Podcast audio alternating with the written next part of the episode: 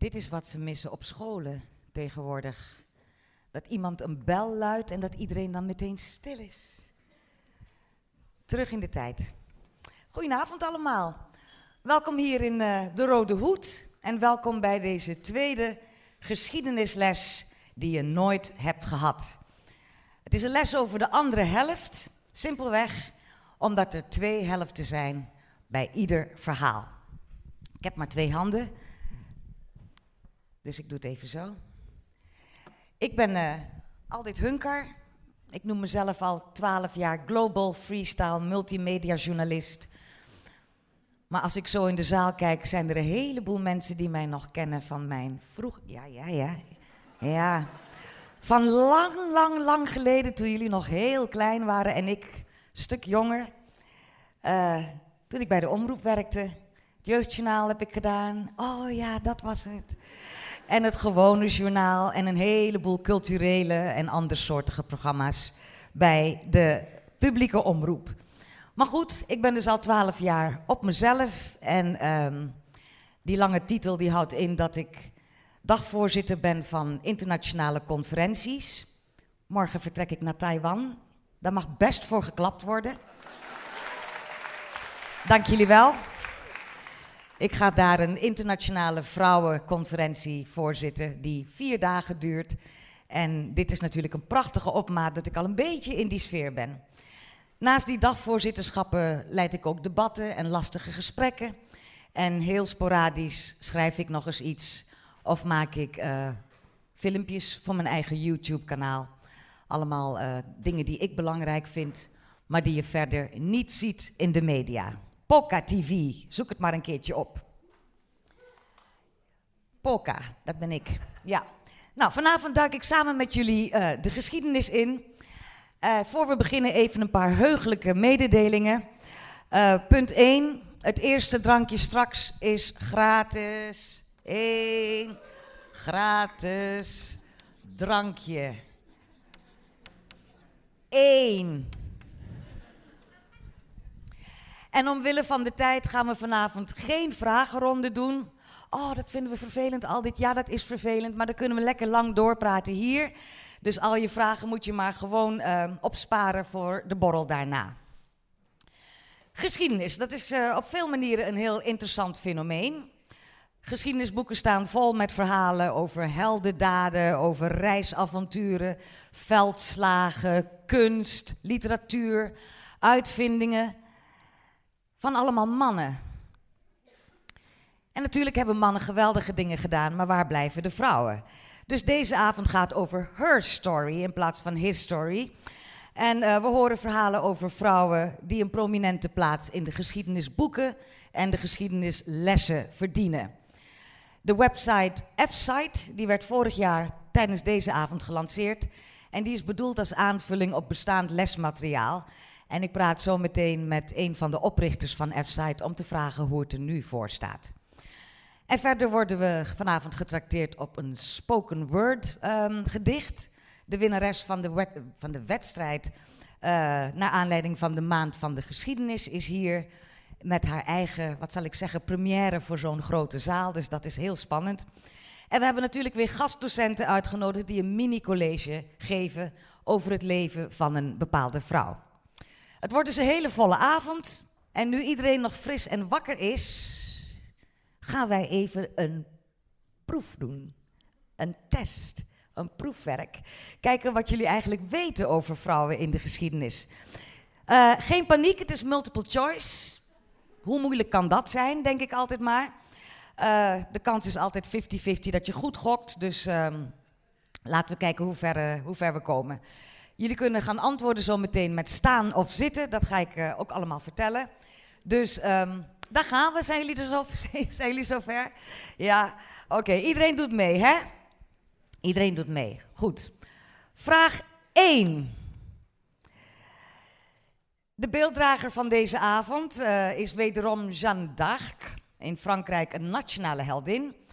Het boerenmeisje schopte het tijdens de 100-jarige oorlog tot legeraanvoerder van de Franse troepen. Het lukte haar zelfs om Karel VII in het door Engeland bezette Rijn, Reims tot koning te laten kronen.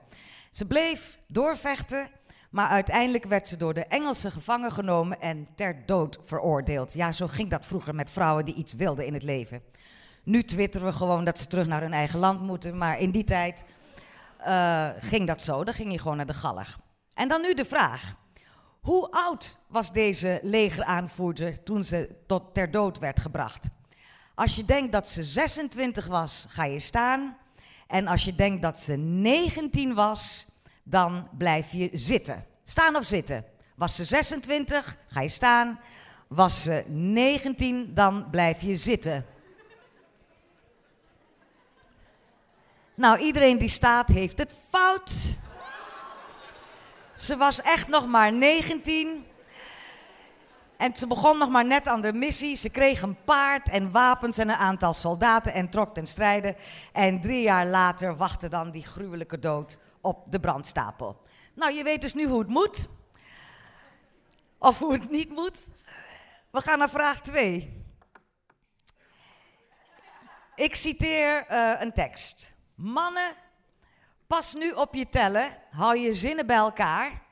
Denk maar eens aan Jeanne d'Arc of Keno Simons, Hagelaar. Mannen van de Tweede Kamer, jullie zijn niet meer alleen. Wanhoop niet, want je staat toch bijna 100 tegen 1. Nou, dit gedicht werd in 1918 geschreven door de anti-revolutionaire partij en was gericht tegen een vrouw. Tegen wie? Tegen wie was deze tekst gericht?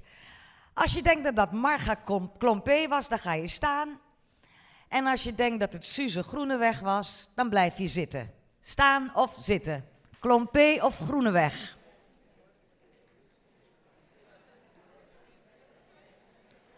Iedereen die staat, heeft het fout.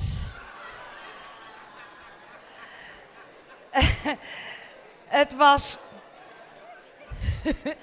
Suze Groeneweg, zij trad in 1918 aan als eerste vrouwelijke Tweede Kamerlid. De ARP had het er duidelijk maar moeilijk mee. En het duurde nog tot 1956 voordat Nederland de eerste vrouwelijke minister kreeg. En dat was Marga Klompé. Ja. We krijgen straks trouwens een mini-college over Suze Groeneweg. Dus als ik deze vraag volgend jaar stel, dan wil ik alleen maar goede antwoorden. Vraag 3.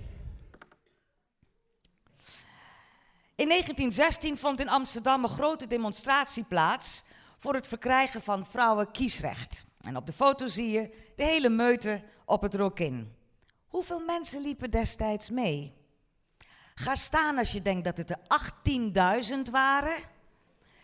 En blijf zitten als je denkt dat het er 8.000 waren. Staan of zitten? 18.000 of 8.000?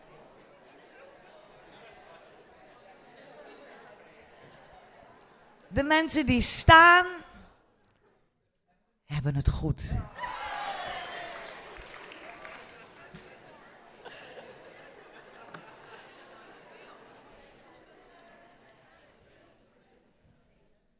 Khadija bint Khuwailid werd geboren in het jaar 555 in Mekka en was van adellijke afkomst. Ze was een rijke zakenvrouw. Ze staat bekend als de eerste die. Ik verklap het eigenlijk niet. Ze heeft een grote. Ja, ze heeft iets heel belangrijks opgezet in de wereld. Want als ik dat vertel, dan weten jullie het eigenlijk al. Um, nou, ik kom er eigenlijk niet omheen. Sorry, sorry. Ze, ze, was de eerste die zich bekeerde tot de islam. En ze was tevens de eerste vrouw van de profeet Mohammed. Toen ze trouwde was ze 40 en hij was 25. Ja, girl. Wat heeft zij betekend voor de islam, is de vraag. Ga staan als je denkt dat ze de, de militaire bekeringsmissies van Mohammed heeft betaald. En blijf zitten als je denkt dat ze het leger aanvoerde tegen Mohammeds schoonzoon Ali tijdens de slag van de kameel. A. Ze heeft heel veel betaald voor de missies van Mohammed. B. Ze wilde zijn schoonzoon helpen uit de weg te helpen. Ja, de mensen die staan hebben het goed. En ik vertel verder niks, want ook over Khadija hebben we straks een college. En hoe meer ik vertel, hoe minder onze docent straks kan vertellen. Dus Vraag 5. Zijn jullie zover? Binnen het Koninkrijk der Nederlanden was zij een van de eerste vrouwelijke premiers, Maria Liberia Peters, onze eregast van vanavond. Op de foto zien we haar samen met destijds koningin Beatrix. Hoeveel jaar was zij in totaal premier van de Nederlandse Antillen? Als je denkt dat dat vier jaar was, ga je staan. En als je denkt dat dat acht jaar was, dan blijf je zitten.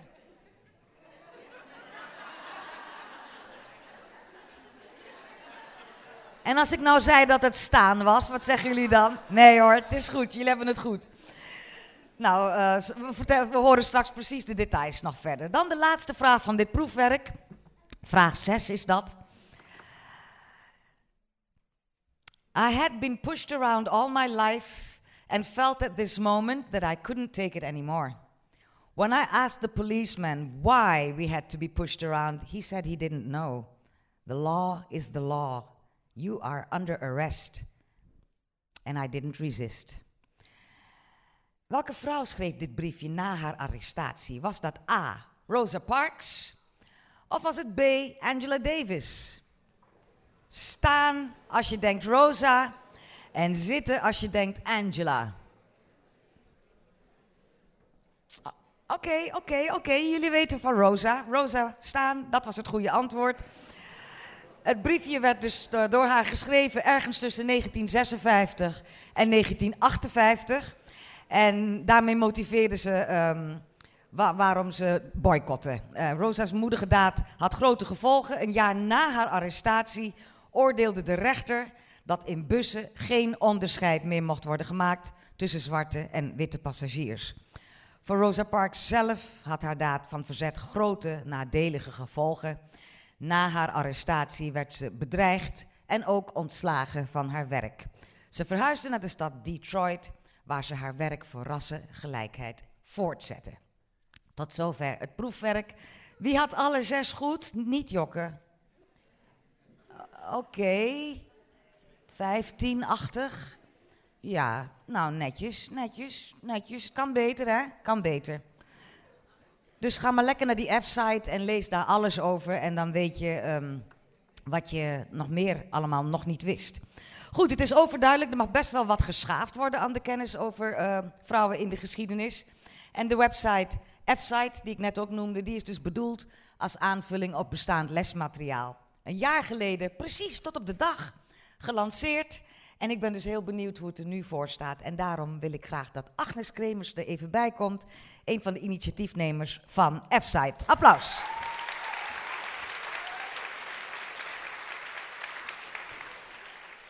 Ja, Agnes, een jaar geleden. Um, hoe staat het er nu voor met F-Site? Uh, goed, is te zien aan de zaal, want uh, iedereen vindt het nog steeds interessant.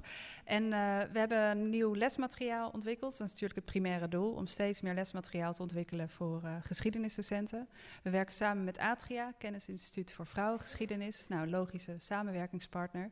En we hebben net lesmateriaal over Aletta Jacobs ontwikkeld. Die staat nu toevallig wel vaak in de geschiedenisboeken. En daar wordt toevallig ook wel wat vaker geschiedenisles over gegeven. Maar nog lang niet genoeg. Dus we hebben nieuw materiaal erbij ontwikkeld. En weten de docenten het een beetje te vinden en doen ze er wat mee? Ja, het valt ons op. Uh, we zijn nog een beetje in de beginfase. Hè. Dus we hebben net een stichting ook opgericht om het uh, eigenlijk steeds groter en breder op te zetten. Maar het valt ons op dat we echt veel uh, van docenten krijgen we veel terug dat ze het weten te vinden en ook goed gebruiken. Dus nou, dat is het beste compliment wat we kunnen krijgen. Lijkt me ook. Um, ik neem aan dat niet alles 100% van een leien dakje gaat. Waar, waar zijn, wat zijn dingen waar je tegenaan loopt? Nou, financiering is altijd een probleem. Is al vanaf het begin eigenlijk een probleem geweest. We hebben het helemaal zelf opgezet met de crowdfunding. Subsidie blijft lastig. Behalve, we hebben één goede subsidiegever, dat is de Wilhelmine Drukker Fundatie. Is ook in de zaal, dus die wil ik altijd hartelijk danken. Applaus voor de Wilhelmine Drukker Fundatie. en uh, ja, en, uh, nee, dus die, en die geeft veel vertrouwen. En we gaan ook een podcast. Vorig jaar, vorig, ja, vorig jaar riep ik het al hier dat ik een podcast met Mark ging maken. En dat we een boek gingen schrijven. Maar nu gaat het ons ook echt lukken. We gaan dit najaar heel hard aan de slag daarmee. Ja. En we hebben nog allerlei leuke ideeën bedacht, hè? maar die gaan we hier nog niet verklappen. Maar we gaan helemaal, althans jullie dan. Ja, het wordt, het wordt groter en nog heel veel van deze avonden vooral ook. Ja. Lijkt me ook. Nou, je hebt een prachtige avond uh, bij elkaar georganiseerd. Is er nog iets wat je kwijt wil aan deze volle bak? Uh, nou, ten eerste geweldig dat jullie hier allemaal zijn. En ik wil één iemand in het bijzonder heel hartelijk danken. Want wij zijn dit project een paar jaar geleden begonnen. We moesten de vrouwen selecteren die we op de F-site wilden zetten. En van één vrouw wisten we het al heel snel dat we Maria Liberia Peters heel graag op het, ons platform willen, wilden hebben. Want zij is natuurlijk de eerst gekozen vrouwelijke premier binnen het Koninkrijk der Nederlanden. En dat zij hier nu zit deze avond. We hebben haar vanmiddag al even mogen ontmoeten. Maar dat zij hier zit is eigenlijk gewoon voor ons een droom die uitkomt. Ja. Welkom mevrouw. Maria Liberia Peters, welkom. Ik zou zeggen, Agnes, ga lekker zitten en ga genieten van je eigen avond. Ik werk wel door, zo gaat dat. Ja, ja alsjeblieft. Goed, we gaan van, uh, van start, lieve mensen. Uh, onze eerste gastdocent is programmamaker, presentator, theatermaker, wetenschapsjournalist en ook nog historicus. Een heleboel dingen in één. Ze presenteerde voorheen Focus, het geschiedenis- en wetenschapsprogramma van de NTR op NPO Radio 1. En in het jaar, najaar van 2018 debuteerde ze met de politieke one-woman show De Première.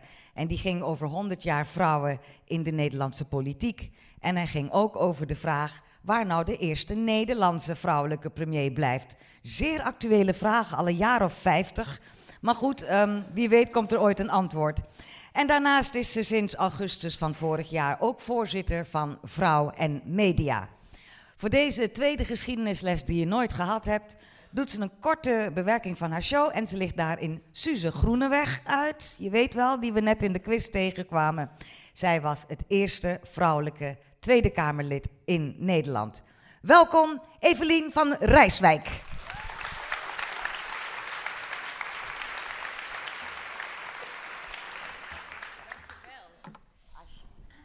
Ja, um, ik ga jullie meenemen naar 1918. En ik ga echt een lezing geven, een college. Dus normaal loop ik in een helemaal roze pak over het podium en dan neem ik mensen mee naar uh, eh, 100 jaar geleden. En uh, ik doe ongeveer 100 jaar in die hele voorstelling, eindigend met die vraag: waar blijft in Nederland, dus niet het Koninkrijk der Nederlanden, maar waar blijft in ons zullige, achterstallige Nederland uh, die eerste vrouwelijke premier? Maar ik ga nu inzoomen op Suze Groeneweg, dus ik neem jullie mee naar 1918. Zijn jullie er klaar voor? Ja? Oké, we gaan terug naar 7 november. En ik wil dat jullie je voorstellen het parlement toen. Stel je dat allemaal even voor. Ik ga jullie even helpen. Uh, hoe zag dat eruit, het parlement toen? Uh, dat zag er zo uit. Hè, voor de mensen met weinig fantasie. Uh, zo zag het parlement er toen uit. Stel je nu voor dat dit parlement helemaal gevuld is met mannen. Met mannelijke Kamerleden. Nou, ook weer voor wie dat niet meteen voor zich ziet. Zo ongeveer, ja. Stel je nu voor dat er jarenlang hier discussies zijn geweest in het parlement. Moeten wij alle mannen in Nederland kiesrecht geven? En moeten wij misschien ook de vrouwen het kiesrecht geven? Moeten we ze toestaan dat ze in de Kamer komen? Of nog enger, moeten we ook toestaan dat vrouwen mogen gaan stemmen? Stel je voor, hè, deze mannen met hun hoofdjes jarenlang hun hoofden gebroken. Moeten we dat wel of niet doen?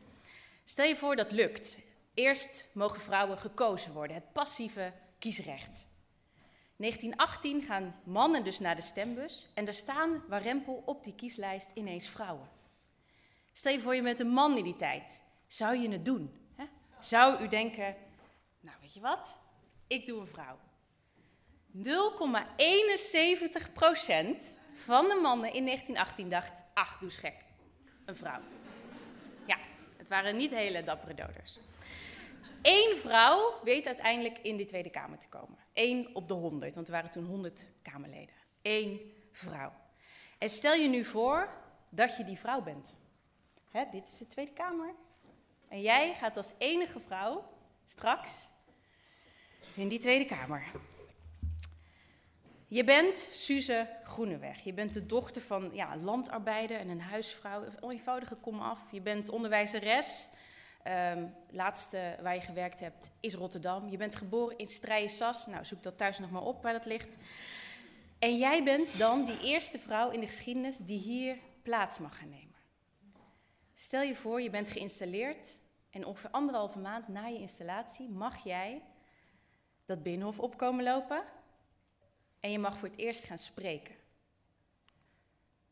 Dat ziet er zo uit. Ik heb beeld daarvan. Oh, kijk. Doe het even terug. Daar loopt ze. Dit beeld heb ik ontdekt trouwens, daar ben ik heel trots op. Daar loopt ze het binnenhof op. Stelt u zich voor, u bent die vrouw en u gaat spreken. En u gaat zitten, er is een, uh, een, zitting met 88 mannelijke Kamerleden, waaronder de Kamervoorzitter, vier mannelijke ministers, 92 mannen, en u gaat op dat bankje zitten. En uh, die vergadering die duurt vier uur en pas halverwege komt u aan bod. Twee uur wachten, met naast je Pieter Jelle Stroelstra, een soort revolutieleider uit die tijd. Die is de hele tijd te denken, zal ik revolutie gaan beginnen of niet? En um, echt waar. En, en je zit daar op dat bankje en je denkt, ik mag zo meteen als eerste vrouw in de Nederlandse geschiedenis gaan spreken. En ik heb me afgevraagd, uh, ter voorbereiding op die voorstelling, hoe heeft zij zich gevoeld? En zij heeft daar iets over gezegd. En zij zei, wanneer ik mislukte, dan zouden de vrouwen het gedaan hebben. Als ik blunders zou maken, dan zou men roepen dat vrouwen het niet konden. En dan zouden de vrouwen een heel eind achterop geraakt zijn in een strijd voor gelijkberechtigdheid. Dus Suus dacht, ik mag geen fouten maken. Dus nou, u voelt het hè? Nou, ik voelde het wel, hè? die druk op je schouders. Ze loopt naar voren, uh, Suze Groeneweg, en zij gaat dus voor het eerst spreken. En zij beseft heel goed, dit is een historische gebeurtenis. Dus zij zegt dan ook, mijnheer de voorzitter, nu zich het historische feit voltrekt, dat voor de eerste maal een vrouw zal spreken in Lands vergaderzaal voel ik wel zeer sterk hè, dat ik draagster ben van een historische gebeurtenis. Prachtig, hè? Zij spreekt en uh, nou ja, die speech is nog veel langer, uh, maar dit, uh, dit zegt zij. En waarom heb ik het nu over die maiden speech? Want ik kan natuurlijk de hele biografie van Suze Groeneweg oplepelen. Maar ik dacht, dat moment dat je mag spreken als vrouw in het parlement met al die mannen, dat is wel echt een iconisch gegeven. En ik heb dus precies 100 jaar later, op 7 november 2018, daar die voorstelling in die oude zaal mogen spelen. En sterker nog, ze hadden dat oude katheder, waar Suze dus opgestaan heeft. Ja, ik ben echt een sukker voor dit soort dingen. Heb ik daar op mogen staan. Ik vind dit ook te gek, maar dat was helemaal uh, gaaf. Ja. Helaas waren de reacties van die mannen op Suze Groeneweg minder groots en iconisch. Want een deel van de mannen zat commentaar te leveren, een beetje te lachen uh, en uh, nou ja, naar dubbelzinnigheden te zoeken. Uh, en sterker nog, een aantal mannen heeft daar ook heel lang genegeerd. nou ja, dus dat krijg je er ook allemaal gratis bij. en we hebben dus een hele lange traditie waarin vrouwen niet hebben mogen spreken. waarin ze niet gekozen mochten worden in het parlement, waarin ze onderbroken werden en zelfs het stilzwijgen opgelegd werden. Ik ben niet de eerste die dat constateert. Mary Beard, klassica, schreef het boek Women and Power. En zij zei al, um, ja, vrouwen zijn heel lang uh, het stilzwijgen opgelegd. Um, en zij noemt ook een aantal voorbeelden. Uh, bijvoorbeeld um, Echo, uh, hier links te zien, die als straf voortaan alleen nog maar de woorden mocht herhalen van anderen. En ja, en tot grote overmaat verramp wordt ze ook nog op die, op die sukkel daar rechts verliefd, Narcissus. Nou ja, die heeft natuurlijk helemaal geen aandacht voor echo. Maar een voorbeeld uit de klassieke oudheid van hoe een vrouw niet kan spreken, maar alleen maar de woorden van een ander mag herhalen. Een tragischer voorbeeld, nog tragischer, is Philomela, noemt Mary Beard ook in het boek. Uh, zij werd verkracht door Teruis. Uh, Teruis sneed haar tong af, zodat ze nooit zou kunnen vertellen dat hij dat gedaan had. Maar godzijdank, onderschat de vrouw nooit, was er een weefgetouw. En met haar handen heeft zij in het weefgetouw het verhaal geknoopt dat Teruis haar verkracht had. En dat verhaal is naar buiten gekomen, is aan haar zus bekend geworden. En ze hebben uiteindelijk wraak kunnen nemen. Dus um, helaas was dat trouwens een aanleiding voor Shakespeare om Lavinia, die ook de tong werd afgesneden, ook haar handen af te snijden. Omdat hij natuurlijk geleerd had van de kracht van vrouwen. Ik uh, maak het iets vrolijker, want uh, ik wil wel heel erg doen alsof ik uh, klassiek geschoold ben. Maar ik kijk ook Disney-films. En um, ik wilde daarom ook Ariel graag noemen. Want iedereen die. Het is natuurlijk eigenlijk Hans Christian Andersen, hè, maar ik heb de Disney-versie gekeken. En zij heeft haar stem afgestaan. Alweer een voorbeeld van vrouwen die niet mogen spreken. Ze heeft haar stem afgestaan. In ruil voor wat? Wie weet het? Benen, precies. Benen. Waarom, denk je? Omdat ze natuurlijk prins Erik leuk vond. Het is altijd om een man. En ehm, zij krijgt benen, maar verliest haar stem. Maar ja, Erik vond haar juist mooi vanwege die stem. Dus nou, heel veel ontwikkelingen en lees op Wikipedia hoe het afloopt. Maar ook een voorbeeld weer van hoe een vrouw haar stem verliest ehm, en niet mag spreken. En, en, daar gaat het verhaal van Suze Groeneweg, vind ik, over. Over het mogen spreken in dat uh, parlement. Want heel lang in de geschiedenis mochten vrouwen niet uh, spreken. De man mocht spreken in het openbaar. En wij vrouwen, wij spreken niet. Wij praten, dat is nog aardig gezegd. Of nog erger, wij babbelen, of wij kletsen, of wij roddelen. Hè, maar wij spreken niet in het openbaar. En als je kijkt naar de discussie rondom het vrouwenkiesrecht. Dus denk weer aan die gezellige mannen in die, uh, in die Tweede Kamer. Misschien heb ik ze wel. Ja, ik heb ze. Um, en die gingen dus kijken, kunnen vrouwen nou ook hier spreken, hè, in het openbaar? En toen zeiden ze van, nou, dat is heel makkelijk onthouden, vrouwen willen niet, uh, ze kunnen het niet, was een argument. Uh, de man kan toch haar stem zijn, ook heel vaak in het parlement genoemd als reden. En het zou zo ongeveer alles te gronden richten wat ons lief is als de vrouw in het parlement komt of stemrecht krijgt. Ja, waren echt doembeelden. Um, en dat kreeg Aletta Jacobs in mildere vorm ook te horen toen zij, 35 jaar voordat Suze Groeneweg in de Tweede Kamer kwam, uh, dacht: ik wil op die kieslijst. En toen werd er tegen haar gezegd, uh, want dat kon, want zij verdiende geld, zij betaalde belasting, zij was ongehuwd. Dus nou ja, zij mocht gewoon op die lijst volgens de wet. Er stond nergens in de wet dat, uh, dat kiesrecht alleen voor mannen was. En toen dachten ze, ja shit, die Aletta heeft eigenlijk wel gelijk. Maar ja, hoe gaan we dat zeggen? Toen hebben ze tegen haar gezegd, het is niet het is volgens de letter van de wet, zou jij nu eigenlijk mogen stemmen? Maar het zit natuurlijk niet in de geest van de wet, Aletta. Dus uh, Aletta mocht niet stemmen 35 jaar voordat Suze uh, gekozen werd. En daarna hebben ze voor de zekerheid even in de wet gezet dat het alleen voor mannen is, het kiesrecht. Ja, dus we hadden eigenlijk al heel vroeg in de geschiedenis het algemeen kiesrecht. Uh, het was eigenlijk al genderneutraal, die wet. maar daarna is nog even voor de zekerheid mannelijker ingezet. Um, dus heel veel argumenten waarom vrouwen vooral niet mochten spreken in het parlement, niet hun stem mochten laten horen, ook niet in het, uh, in het uh, stemhokje. Maar, zo noemt Mary Beard ook, er zijn wel twee uitzonderingen waarin vrouwen wel dan misschien hardop mogen spreken en iets aan de kaak mogen stellen. En dat is als ze slachtoffer zijn van iets. Nou ja, dat is in al die verhalen ook in de klassieke oudheid. En als ze spreekt over vrouwenzaken. Dan van oudsher mag het wel. Ik moest meteen denken aan dat slachtoffers ook niet vaak geloofd worden natuurlijk in de geschiedenis. denk ook aan, aan de speech die Oprah Winfrey hield. U hoort het, ik gebruik allerlei um, smoesjes om over Ariel en Oprah Winfrey en populaire cultuur ook te kunnen praten. Uh, maar Oprah zei heel mooi uh, toen bij de Golden Globes: For too long, women have not been heard or believed. If they dare to speak the truth to the power of those men. But their time is up. Their time is up. Misschien herinneren jullie het nog. Mijn opera-imitatie is niet zo heel goed, maar hè? Their time is up.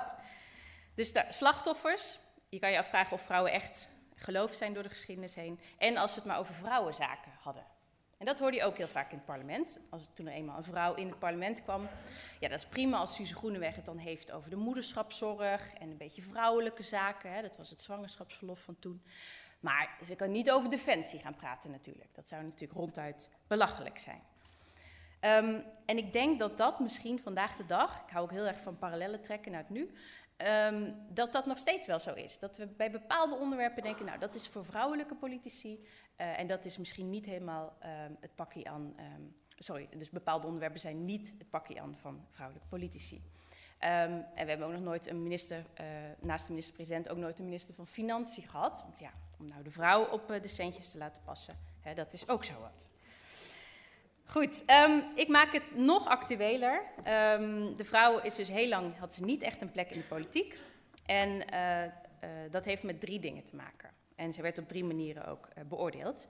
de eerste daarvan gaat over de inhoud. Dus die eerste vrouw die in het parlement kwamen, daarvan werd gezegd van, nou, ze kunnen dus zich met de moederschapszorg bezighouden, of met, met onderwijs, vrouwelijke onderwerpen. Um, en als ze dan een ander onderwerp deden en dat uh, best wel inhoudelijk goed deden, dan was men daar echt verbaasd over. Dus ik ben krantenartikelen tegengekomen waarin uh, commentatoren zeiden van, god, dat heeft ze eigenlijk best wel goed uitgelegd. Helemaal verbaasd dat die vrouw inhoudelijk was. Uh, dat zie je helaas vandaag de dag ook nog wel eens. Je hebt hier de voormalig premier Theresa May. in gesprek met Nicola Sturgeon. Um, en het maakt helemaal niet uit wat ze eigenlijk besproken hebben. Never mind Brexit, who won Lexit. Ja, dus um, alsnog uh, kunnen vrouwen soms um, beoordeeld worden totaal niet op de inhoud. Dus dat, uh, dat is gebleven. Een andere manier hoe ze beoordeeld kunnen worden is natuurlijk op hun stijl in het parlement. Als een vrouw dan mag spreken in het parlement, dan is het al snel te, noem maar iets, te emotioneel, um, te luidruchtig. Hè. Uh, nou, dat soort, dat soort waardeoordelen worden vaak over vrouwen gezegd. Suze Groeneweg was volgens burgemeester Oud een katje om niet zonder handschoenen op te pakken. Want ja, ze sprak zich natuurlijk wel erg uh, uit.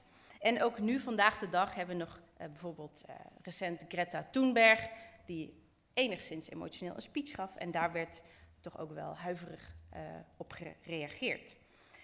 Um, dus hè, Suze hier lekker aan het declameren. Wie had die vraag goed trouwens? Heel goed. Ja, Margot Klompé ziet er ook heel anders uit, hè? Dat weet u. Dus inhoud wordt je beoordeeld, of, of eigenlijk helemaal niet soms als vrouw, uh, politieke stijl. En ook ja, je kwalificatie als, als politicus, als vrouw eigenlijk. Um, Frida Katz bijvoorbeeld, tijdgenoot van Suze Groeneweg, die kreeg te horen dat zij een uh, lieve vrouw was met echt vrouwelijke manieren. En zo zagen ze politici, vrouwelijke politici graag. Het moest wel een beetje vrouwelijk allemaal blijven. Um, even kijken hoor. Oh, sorry, ik geef hem al weg. Ja, Thierry Baudet zit er ook in. Um, want Thierry Baudet, ik haal het, maak het heel even actueel. Die zei recent uh, ook nog, um, nou, deed een bepaalde kwalificatie van een vrouw in het parlement. En daar kreeg je deze reactie op. Ik vind het ronduit schattig dat u zo naïef in het leven staat. Ja. Een persoonlijk feit van mevrouw ja. Voorzitter, ik werd hier uitgemaakt voor schattig en naïef. Niet lief, um, lief heb ik echt niet zo gezegd volgens mij. Schattig en naïef. En, en dat wil ik wel even uh, duidelijk maken dat ik oud-militair ben, veteraan ben, pelotonscommandant in, Panzerhau, in, uh, ben geweest en daar panzerhouwitser heb afgeschoten. Dat is verre van schattig. Dat is verre van naïef. Ja, dat heeft natuurlijk niet elke... um, dat kan natuurlijk niet elk vrouwelijk Kamerlid zeggen. Hè? Het zou uh, ongeloofwaardig worden. Um, maar dit soort kwalificaties, schattig, naïef, lief, ben ik heel erg vaak tegengekomen in de kwalificatie van vrouwen. 100 jaar geleden, maar ook gewoon nu nog, vandaag de dag. Dus een bepaald beeld van uh, waar een vrouw aan moet uh, voldoen. En dit is natuurlijk een, uh, een erg scherpe reactie van Hanke Bruins-Slot, die nu inmiddels uit de Kamer is. Um, en soms komt het uit onverwachte hoek, de steun. Hè, Mark Rutte is misschien niet de eerste die opmerkingen maakt als, het, als een ander seksistisch is. maar er gebeurde het volgende in de Kamer. iemand zei iets over Ursula von Leyen, de nieuwe top-eurocommissaris. De heer de Roo. Ja, voorzitter, dat dat dameskrantje waar de minister-president aan Zou dat niet een beetje seksistisch goed met elkaar kon vinden, dat geloof ik wel. Ja, dameskransje heeft hij het over. Het gaat over, gewoon over vrouwelijke toppolitici. Hè? En Rutte die zegt het volgende daarover. Ik ben nooit zo gevoelig op man-en-vrouwen issues. En ik ben echt niet de eerste die roept van seksistisch. Maar dit vind ik zo verkeerde opmerking. Ja, en daarna zegt hij nog een keer iets. Wat een verkeerde opmerking zeg. Blah. Ja. Ja. Dus, dus Mark Rutte denkt, ja, ik, wil, ik ben echt niet zo van uh, alles seksistisch noemen, maar het gaat hem nu wel echt even te ver. Dus dit biedt ook wel hoop dat er, ondanks dat af en toe seksistische opmerkingen gemaakt worden, dat het nu zelfs voor Mark Rutte uh, te ver gaat. Dan hangt hij nog mee samen bij dat punt van, uh, van de kwalificatie van de vrouwelijke politicus die spreekt, is dat je als twee vrouwen met elkaar in gesprek gaan, dat je dan extra goed moet oppassen. Want je denkt misschien, ik ben een vrouwelijk politicus, ik ben met een andere vrouwelijke politicus aan het debatteren. Uh, en je denkt, is een goed debat, inhoudelijk sterk. Maar voor je het weet wordt het als een bitchfight geframed. Uh, of als je in de commissie zorg zit, waar veel vrouwen in zitten, heet het ineens de commissie kijvende wijven. Dus denk nooit, ik zit lekker in een, uh, in een debat met een andere vrouw. Want er wordt op een andere manier naar gekeken. En daar heb ik ook een heel mooi, vind ik zelf, actueel voorbeeld van. Maar dat is onzin, want je kan normaal nee, gesproken nee, kan je ook een niet. debat aanvragen nee, nee, met nee. een brief. Als u een debat aanvraagt, dan ga ik kijken of er steun voor nou, is. dan hou ik bij deze het uh, aanvraag staan voor een debat okay. met een brief. Dan ga ik naar de heer Van Dam, namens het CDA. Ja, voorzitter, ik heb lang geleden afgeleerd dat als twee vrouwen van mening verschillen, dat ik daar als man nee. uh, mij helemaal in mag mengen. Dit is echt, meneer Van Dam. Maar ik richt meneer mij, Van Dam. Ik richt mij... Nee, meneer Van Dam, daar gaat u niet zomaar uh, makkelijk mee, mee weg. Hoezo twee vrouwen? Hoe vaak heb ik met u een discussie? Of met de heer Azarkan? Wat is dit voor een opmerking? Neem het terug. Neem het terug. Voorzitter, ik heb u zo hoog dat alles wat ik zeg met een intentie die misschien een andere was, wat u beroert, dat ik dat terugneem. Nou, dat goed. Het woord is nu aan u. Ja. Even een voorbeeldje van, uh, we zijn 100 jaar verder, maar uh, dit soort opmerkingen worden nog steeds gemaakt. Dus nou ja, qua inhoud, qua, qua stijl, qua uh, kwalificatie van vrouwen in de politiek hebben we een grote sprong gemaakt, maar we zijn nog lang niet. Ik denk dat het helaas nog steeds vanzelfsprekender is dat mannelijke politici het woord voeren, dat het toch ja, vrouwen het misschien zelf ook spannender vinden om te spreken in het openbaar, in de politiek. Misschien worden ze ook sneller aangevallen, op Twitter ook onder andere. Um, uh, al hebben we gelukkig al een tijdje niet meer gehoord, en dit is ook weer een letterlijk citaat. Uh, meisje moet haar klep dicht houden.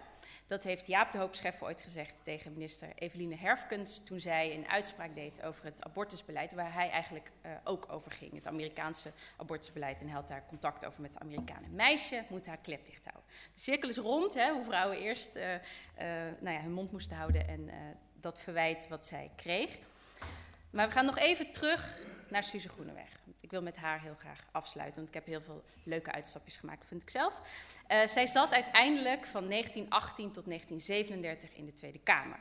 Um, en uh, zij zat ook nog in de gemeenteraad. Zij is provinciale statenlid geweest. Zij is de eerste vrouwelijke burgemeester, sorry, de buitengewoon ambtenaar van de burgerlijke stand geweest. Um, en uh, ondanks dat ze in het begin niet heel serieus genomen werd, heeft zij zich gerevancheerd en kreeg zij uiteindelijk toch vrij veel respect van de mannelijke Kamerleden. Um, en zij was ook bovenal een buitengewoon goede spreekster. En u herkent hier de stem hopelijk van Willem Drees. Een mooi compliment aan haar adres. Suze was een zeer gewilde spreekster. Zij toonde zich overal op haar plaats. Ze had een helder politiek inzicht, dat ze ook zuiver wist te formuleren. Ja, en tot slot wil u nu natuurlijk wel even de stem horen van Suze Groeneweg. En die is gelukkig bewaard gebleven uit de radioopname in de jaren 30. Dus we sluiten af met de stem van Suze Groeneweg. Als afgevaardigde van een arbeiderspartij kunnen en mogen wij niet meegaan met bezuinigingen die het enig bezit van een arbeider aantasten, zijn krachten van lichaam, geest en gemoed. Suze Groeneweg.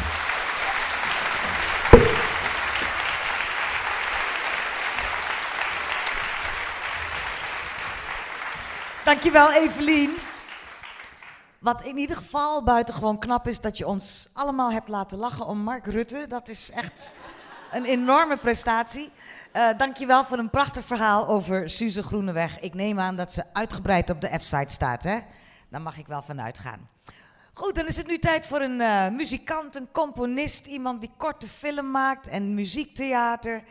Uh, haar korte docufilm Hope werd genomineerd voor de Nederlandse Filmfestivalprijs. Uh, ze werkte mee aan de internationale expositie Muslima en gaf een TEDx-talk over de kracht uh, van identiteit en muziek. Vanwege haar bijdrage aan de kunsten staat ze op de lijst van de 500 meest invloedrijke moslims ter wereld. Wat natuurlijk een absurde lijst is, maar wel leuk dat ze erop staat. Wie, wie, wie verzint zo'n lijst? Witte mannen, kan niet anders. Maar goed, ze staat er maar op. Als uh, uh, gastconservator bedacht, maakte en cureerde ze voor het Stedelijk Museum Schiedam de expositie Modest Fashion over een internationaal fenomeen in de kunst en mode, waarin het gaat om het feit dat je niet per se helemaal in je naakje hoeft te lopen om mee te doen aan de mode. De tentoonstelling is op 21 september van dit jaar officieel geopend door de minister van OCW, uh, Ingrid van Engelshoven, en is te zien tot en met 9 februari van het komende jaar. Voor deze tweede geschiedenisles die je nooit gehad hebt, doet ze een korte bewerking van haar theatershow en zij ligt Khadija voor, uh, uit. Ze ligt haar uit. Hier is uh, Raja El Muhandis en zij praat over Khadija.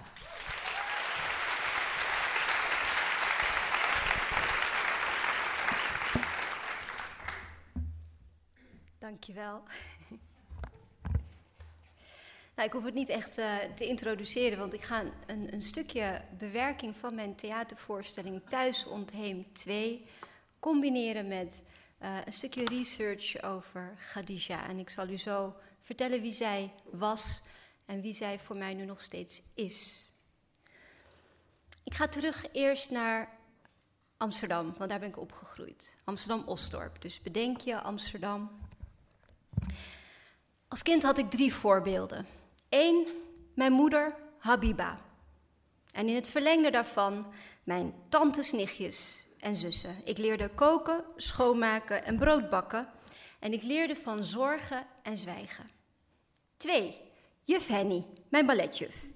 Ik leerde een pirouette en dat je geld kan verdienen met kunst. Drie, oma Mia, mijn Nederlandse adoptieve oma. Ze had een eigen auto en alle tijd van de wereld om overal naartoe te gaan. Ik leerde dat de tijd van jou kan zijn. Deze vrouwen hebben mij gered van het hebben van maar één verhaal over wie of wat een vrouw kan zijn. En samen vormen ze mijn verhaal. Ik wist dat als ik iets anders wilde dan alleen zorgen en zwijgen, dat ik weg moest van huis. Maar waar begint mijn verhaal? Want het maakt uit waar ik begin. Begin ik bij het meisje van 15 dat wegloopt, of begin ik bij de vrouw die ik nu ben? Begin ik bij een vrouw, Habiba, die niet kan lezen en schrijven, of begin ik bij haar vijf kinderen die succesvolle Nederlandse burgers zijn en die zij heeft klaargestoomd?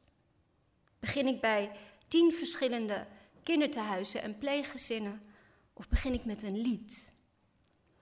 Want het maakt uit waar ik begin. Wat is een verhaal? En wat is de architectuur van een verhaal? Daar wil ik mee beginnen. Nou, een verhaal is een verslag van een reeks gebeurtenissen die met elkaar verbonden zijn. Verteld in een volgorde van woorden of beelden of allebei, met een begin, een midden en een eind. Dat is een verhaal. En wie een verhaal over verhalen wil vertellen, moet vertellen over macht. Macht is niet alleen economisch, macht is niet alleen politiek, zoals Evelien vertelde. Macht is ook bepalen welke verhalen er worden verteld. De macht om niet alleen een verhaal te vertellen, maar ook om een verhaal over een ander te vertellen. En ook om dat verhaal tot het definitieve verhaal over de ander te maken, zonder de ander zelf zijn of haar verhaal te laten doen. Laten we zeggen, als we westerse schilders moeten geloven, lagen wij vrouwen gedurende de afgelopen eeuwen vooral zwijgend en meestal naakt op een bank. Toch, Evelien? Ja. Nou, en als we islamitische schilders moeten geloven, bestonden we helemaal niet. Überhaupt niet. Nou, ik neem jullie mee naar een anekdote. Het is een beetje ongemakkelijk, maar you get it. Nou, een paar jaar geleden meld ik me bij de artiesteningang van een theater. Ik moet die avond optreden. En in de gang kom ik een vrouw tegen. Ze spreekt me aan en zegt: Nou, goed dat u hier bent. Ik zal u even laten zien waar u moet zijn. Het hok met de schoonmaakspullen. Uh, sorry, ik, ik kom hier zingen. Oh, sorry. Ja, sorry. Nee, nee, nee, sorry, sorry, mijn sorry. Nou, en zo sorry, sorry we ons door het ongemak heen. Wat is hier zo ongemakkelijk aan? Dat ze zich vergist? Dat ze mij aanziet voor een schoonmaakster terwijl ik de artiest van de avond ben? Vind ik dat erg? Nee, niet het ergst. Wat ik erg vind, is dat ze al wist wie ik was nog voordat ik iets gezegd had. Deze vrouw kende maar één verhaal, waarin een lichtgetinte vrouw die om half vier via de achteringang van het theater binnenkomt, alleen maar de schoonmaakster kan zijn. Nou, en waarschijnlijk is ze Turks of Marokkaans, spreekt ze gebrekkig Nederlands, draagt ze soms een hoofddoek, komt ze niet voor zichzelf op, mag ze niet amicaal met andere mannen dan haar eigen man praten, is ze laag opgeleid, heeft ze een vrouwenberoep? En dat is waarschijnlijk verpleegster of schoonmaakster. Nou, dat is het enige verhaal dat deze vrouw in het theater kent. En dit verhaal is zo vaak herhaald en herhaald en herhaald dat het voor haar het enige verhaal geworden is. Met hetzelfde begin, hetzelfde midden en hetzelfde eind. En dat verhaal begint in de jaren 60, 70. Moet je nagaan, zo lang hoort ze dat verhaal al. Dat moet haar toch ook gaan vervelen, toch? Nou ja, nou, ze hoort erover op de tv en in de krant. Uh, migrantenvrouwen worden ze genoemd en ze leert ze kennen als de onderklasse. Hun mannen werken in de fabrieken. Het verhaal dat niet wordt verteld is dat ze gekozen zijn omwille van hun sterke handen en hun goede gebit. En dat het een pre is dat ze niet kunnen lezen en schrijven. Wat wordt verteld is dat ze hier blijven, ook al zegt hun naam dat ze te gast zijn. En na 9-11 komt er nog een naam bij: moslim en moslima. Op de tv en in de krant hoort de vrouw dat, dat, dat woord steeds vaker als het gaat over vrouwen met een islamitische achtergrond. En dan in combinatie met een probleem. En door dit ene verhaal komt het niet in haar op dat zo'n vrouw op haar kan lijken, op welke manier dan ook. En door dat ene verhaal kan ze niets anders voelen dan ongemak. Er is geen mogelijkheid om een verbinding met elkaar aan te gaan als gelijken. En doet er niet toe dat we allebei vrouw zijn en dat we allebei op een plek zijn, het theater, waar we erg graag zijn. Dat doet er niet toe. En het probleem van het ene verhaal is niet dat het niet waar is. Het probleem van het ene verhaal is dat het maar één verhaal is. En dat is schadelijk. Hè, zowel voor de toehoorder als voor de hoofdpersoon, zowel voor haar als voor mij. Voor de vrouw en de perceptie die ze heeft van een groep en voor zo iemand als ik, die dit verhaal over zichzelf hoort en zich daar niet in herkent. Zelfs stikt in de norm die wordt gesteld en zich daarom wellicht afkeert van de samenleving, omdat er verhalen ontbreken, voorbeelden, rolmodellen, een alternatief. Als er maar één verhaal is ga je er vanzelf in geloven. En als ik een kind zou hebben, een dochter of een zoon, dat maakt mij niet uit, dan zou ik het verhaal beginnen met Khadija bint. Een zeer succesvolle en steenrijke zakenvrouw, zoals je al introduceerde. Nou, ze was 40 jaar en ze ontmoette een man die 15 jaar jonger is dan zij. En via, via haar vrouwelijke PA biedt zij hem een baan aan omdat hij een uitstekende reputatie heeft, betrouwbaar is en ook haar winst weet te verdubbelen. Hij intrigeert haar en via haar andere vertrouwelingen vraagt ze hem, ondanks dat hij 15 jaar jonger is en haar financieel helemaal niks te bieden heeft, om met haar te trouwen. Ze blijken soulmates te zijn. Zij helpt hem zich te ontwikkelen tot een leider. Ze krijgen zes kinderen en ze blijven tot aan haar dood 25 jaar lang monogaam samen. En later wordt hij bekend als de profeet Mohammed. Vrede zij met hem. Over de profeet Mohammed is genoeg informatie, toch? Maar de rol van Khadija bint Khuwailid, vrede zij met haar, die ook de eerste moslim in de geschiedenis van deze religie is, hè, man en vrouw, Daarin wordt er in de geschiedschrijving, behalve het aanstippen van haar uitstekende reputatie, haar voorbeeldrol als vrouw, eh, als echtgenote, als vertrouwelinge, als believer, naar mijn mening wordt dat ernstig tekort gedaan. En waarom? Nou, aan de profeet lag het niet, maar wel aan de verdere architectuur van de kanon, van de geschiedschrijving en, naar mijn mening, ehm, van de ego's van machthebbers. Khadija, als we haar in de architectuur van de taal van deze tijd zouden omschrijven, was de investeerder van de grootste start-up ooit. Een wereldreligie. Ze werd in 555 geboren als uh, telg uit een familie van succesvolle handelaren. Na de dood van haar vader werd zij CEO en leidde zij zijn imperium vanuit Mekka met grote karavanen in handelsroutes in Saudi-Arabië, Jemen en Syrië. Daarnaast was zij filantrope en feministe. Voordat Mohammed in beeld kwam, was zij reeds twee keer eerder getrouwd, waarbij ze ook investeerde in de start-up van haar eerste echtgenoot. Nou, hij overleed helaas. Daarna trouwde ze weer, ook hij overleed. Maar ze raakte niet verbitterd. En ze bleef openstaan voor liefde. En dat is bijzonder, want ze leefde in een tijd waarin vrouwen als minderwaardig werden gezien en praktijken zoals het levend begraven van pasgeboren meisjes gangbare tribale rituelen waren. als tweemaal weduwe, moeder en zakenvrouw omringde zij zich met vertrouwelingen. Ze wees talloze huwelijksverzoeken van hele rijke Arabische mannen af en volgde haar eigen instinct. Ze zette de rol van haar mannelijke familieleden heel strategisch in om kansen die zij zag en die zij wilde verzilveren te regelen. Ze was heel strategisch daarin. De jonge 25-jarige Mohammed, die wees was en zich onderscheidde als harde werker, viel haar op. En zij koos hem uit vanwege zijn potentie en zijn betrouwbaarheid. Hoe kan het dus dat in de geschiedschrijving de rol van Khadija uitgedund is en haar waarde vooral beschreven wordt vanuit haar rol in de privésfeer? Nou, ik snap hem niet. Nou, we kunnen veel leren van de geschiedenis. Want als we vanuit deze blik uh, kijken naar de startfase van de islam, dan was het doordrenkt met matriarchale en feministische energie. En wanneer het licht geschenen wordt op de zakelijke en visionaire rol van Khadija in de totstandkoming van de islam, dan is het nu wellicht tijd om haar rol, haar archetype en haar voorbeeld recht te doen. Khadija, de investeerder van de grootste start-up ooit, maakt haar een voorbeeld voor ons allemaal, mannen en vrouwen. Want zonder haar steun, haar investeringen, bescherming en visie had de geschiedenis er echt anders uitgezien. Nou, en wanneer we verder kijken, zien we een patroon van het verder weggummen van de invloed van vrouwen in de geschiedschrijving, van de totstandkoming van de islam en de hadith, de overleveringen van de profeet. Wie kent hier de muhaddithat? Wie heeft daar ooit van gehoord?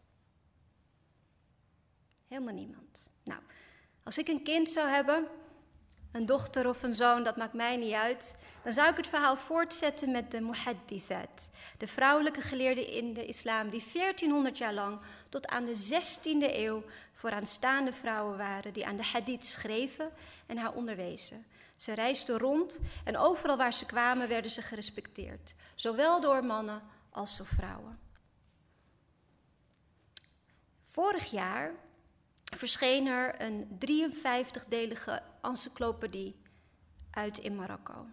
Een Indiase orthodoxe theoloog en Oxford Research Fellow, Mohammed Akram Nedwi. Zoek hem op op YouTube en je vindt niks moderns aan die man. Hij is echt heel orthodox.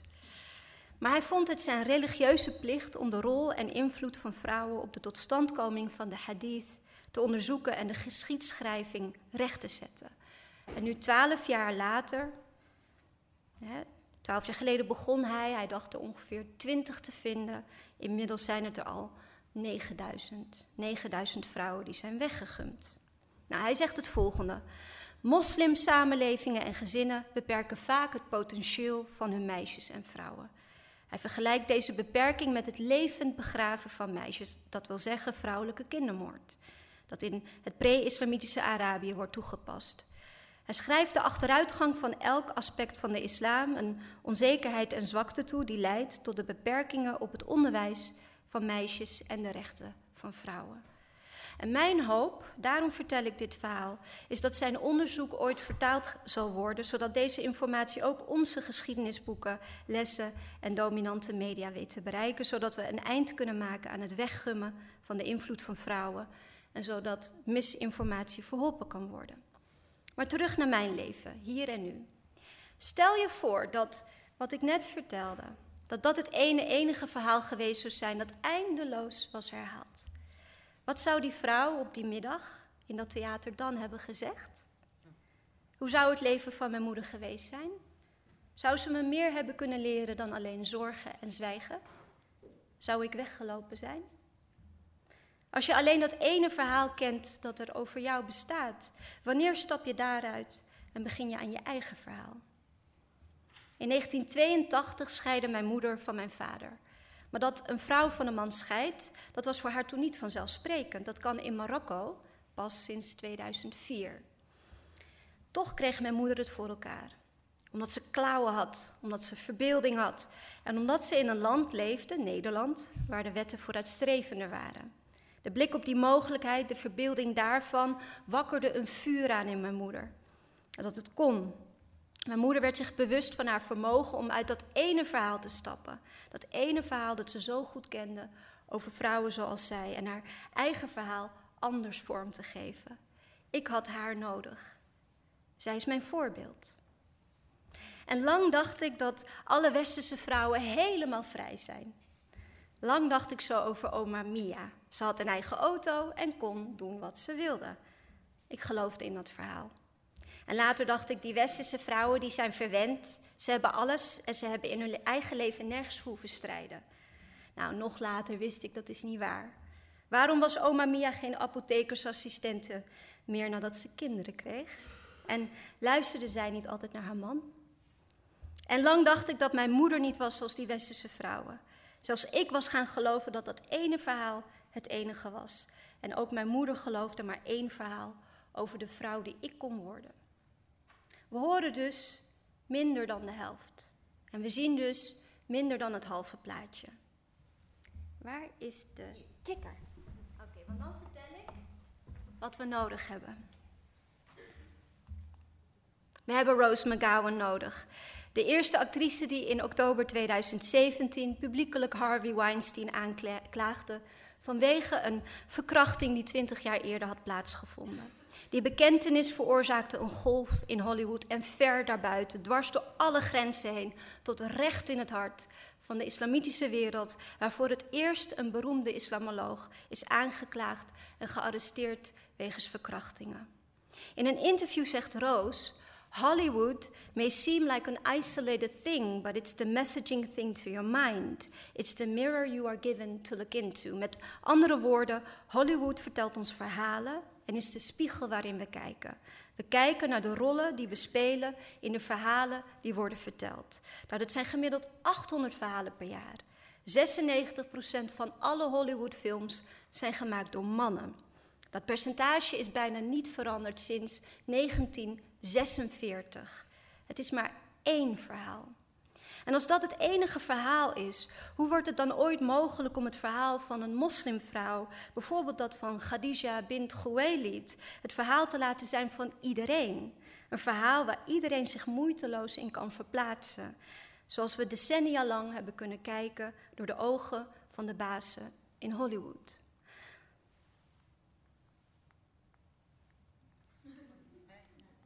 Ja, we hebben Nadia Hussein nodig, de winnaar van de British Bake Off 2015. Vrouw met hoofddoek die door iedereen werd omarmd. Dat hebben we nodig. We hebben, we hebben, we hebben, wie hebben we nodig? We hebben Ibtihaj Mohammed nodig. Die ging schermen omdat dat de enige sport is waarbij ze als hijabi kon meedoen. In 2016 won ze brons op de Olympische Spelen. Nou, we hebben ook de. Wat hebben we nog meer nodig? De eerste gesluierde Barbie nodig. nou, die is gemaakt naar het voorbeeld van Ibtihaj. Lang leven Mattel. En Disney. We hebben Alexandra Hai nodig, de eerste, die de geschiedenis is ingegaan als de prima gondoliera. De eerste vrouwelijke gondolier in een 900 jaar oud Venetiaans mannenbolwerk. En we hebben het ook nodig dat ze in 2017 uit de kast kwam als transman. We hebben de Gulabi Gang nodig, ook wel bekend als de Pink Shabi. 500 vrouwen die in India op Valentijnsdag 2009 500 knalroze slipjes sturen naar de organisatie die koppels die in het openbaar daten wil dwingen tot een huwelijk. We hebben Hissa Hilal nodig, die in Saudi-Arabië van achter haar niqab meedoet aan een Millions Poet. Een soort van The Voice of Holland, maar dan eigenlijk alleen voor mannelijke dichters. We hebben Mona El-Tahawi nodig. Tijdens de opstanden in Cairo in 2011 werd ze opgepakt, aangerand en brak de politie haar beide polsen. Alleen omdat ze haar stem, stem liet horen en haar mond opendeed. We hebben Shirin Eshat nodig, the voice of the wheel. Na de Iraanse revolutie eind jaren 70 vluchtte ze naar Amerika om daar vanuit ballingschap kunst te blijven maken over de onderdrukking van vrouwen in islamitische landen. We hebben haar stem nodig die het verhaal vertelt van die andere stem, Om Kaltoum. Ik had haar nodig. U, heeft haar, u kent haar misschien niet. Anna-Maria Schuurman uit Friesland, die in 1636 de eerste vrouwelijke studenten aan een Nederlandse en eigenlijk ook aan een Europese universiteit was. Aletta Jacobs, die in 1878 de eerste Nederlandse vrouwelijke arts werd. En zoals Evelien vertelde, politieke ambities had, die nog even uitgesteld werden. En ik had haar nodig, Suze Groeneweg, die in 1918 de eerste vrouw in de Tweede Kamer. Ik eindig met een lied. Het licht in de ogen, Noerlijn. Want als we meisjes vertellen dat ze alles kunnen zijn, dan kunnen ze dat ook. Dat hebben deze vrouwen en Khadija bewezen.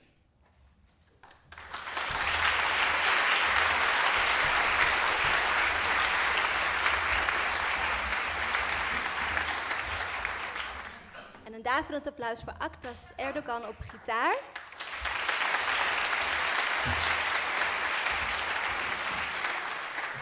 Die ook een hele stoere mama heeft, een journaliste. Die heel lang in Turkije vast heeft moeten zitten voor het vrije woord. Dus ook hij brengt de energie van zijn mama mee. Mag ik iets meer, iets meer op de mic alsjeblieft? Ja.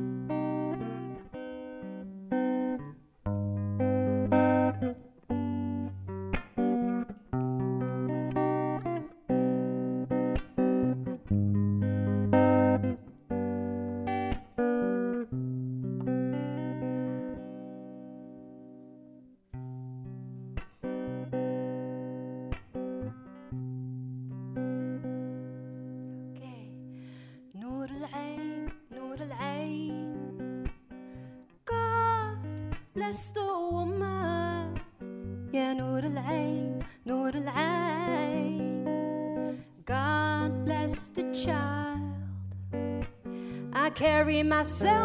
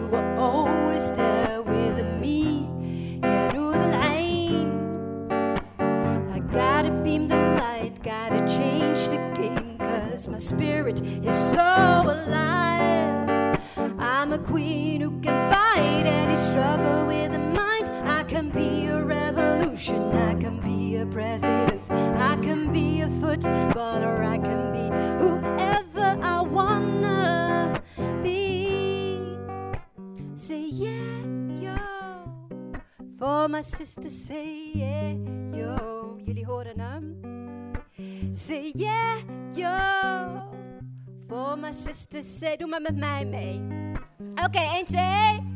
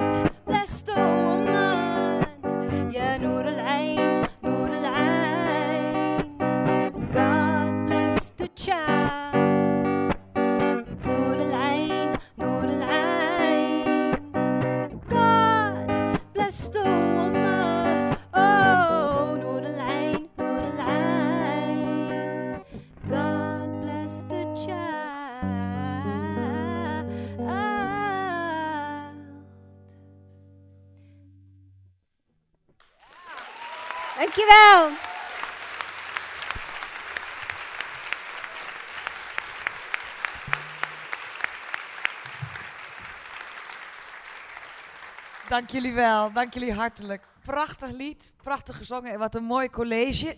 Kleine tip voor jou, Raja. Als je binnen wil komen en je wilt dat ze weten dat je komt voor de muziek, dan moet je eruit zien zoals ik. Dat, eh, dat is het enige, want dat krijg ik dan weer altijd te horen. Ja, je wordt nooit ingeschat op eh, waar je voor binnenkomt. Prachtig. We gaan even de benen strekken, eh, dat ene gratis drankje nuttigen. En daar gaan we maar een kwartiertje over doen, want we hebben nog zoveel te doen. Even kijken, kwartiertje om vijf voor half, zeg ik dan maar, uit, uh, als dat mag van jou, Agnes. Vijf voor half tien zijn we terug. Pauze, tot straks. En vijf voor half tien betekent beginnen, hè? Tot strakjes. Ga maar weer lekker zitten allemaal. Want als de juf boos wordt, heeft niemand een leuke dag. Trust me, trust me. Nou, dank jullie wel dat jullie zo ontzettend snel naar binnen zijn gelopen. Daar komt Agnes ook. Hallo Agnes, te laat op je eigen feestje. Geeft helemaal niks. Deze avond, dat had ik misschien niet helemaal goed verteld aan de kop, is uh, tot stand gekomen in samenwerking met uh, F-Site en de Maand van de Geschiedenis. En de Maand van de Geschiedenis uh, heeft ook een wedstrijd uitgeschreven. En die is gewonnen door onze volgende gast. Want ook de innerlijke spirituele mens komt aan bod op deze avond. Ik wil u graag jullie aandacht voor de winnares van de wedstrijd. Uh, een spoken word poëet die voor het eerst voor zo'n volle zaal staat, mensen. Realiseer je wat dat betekent. Hier is Nina Bakker.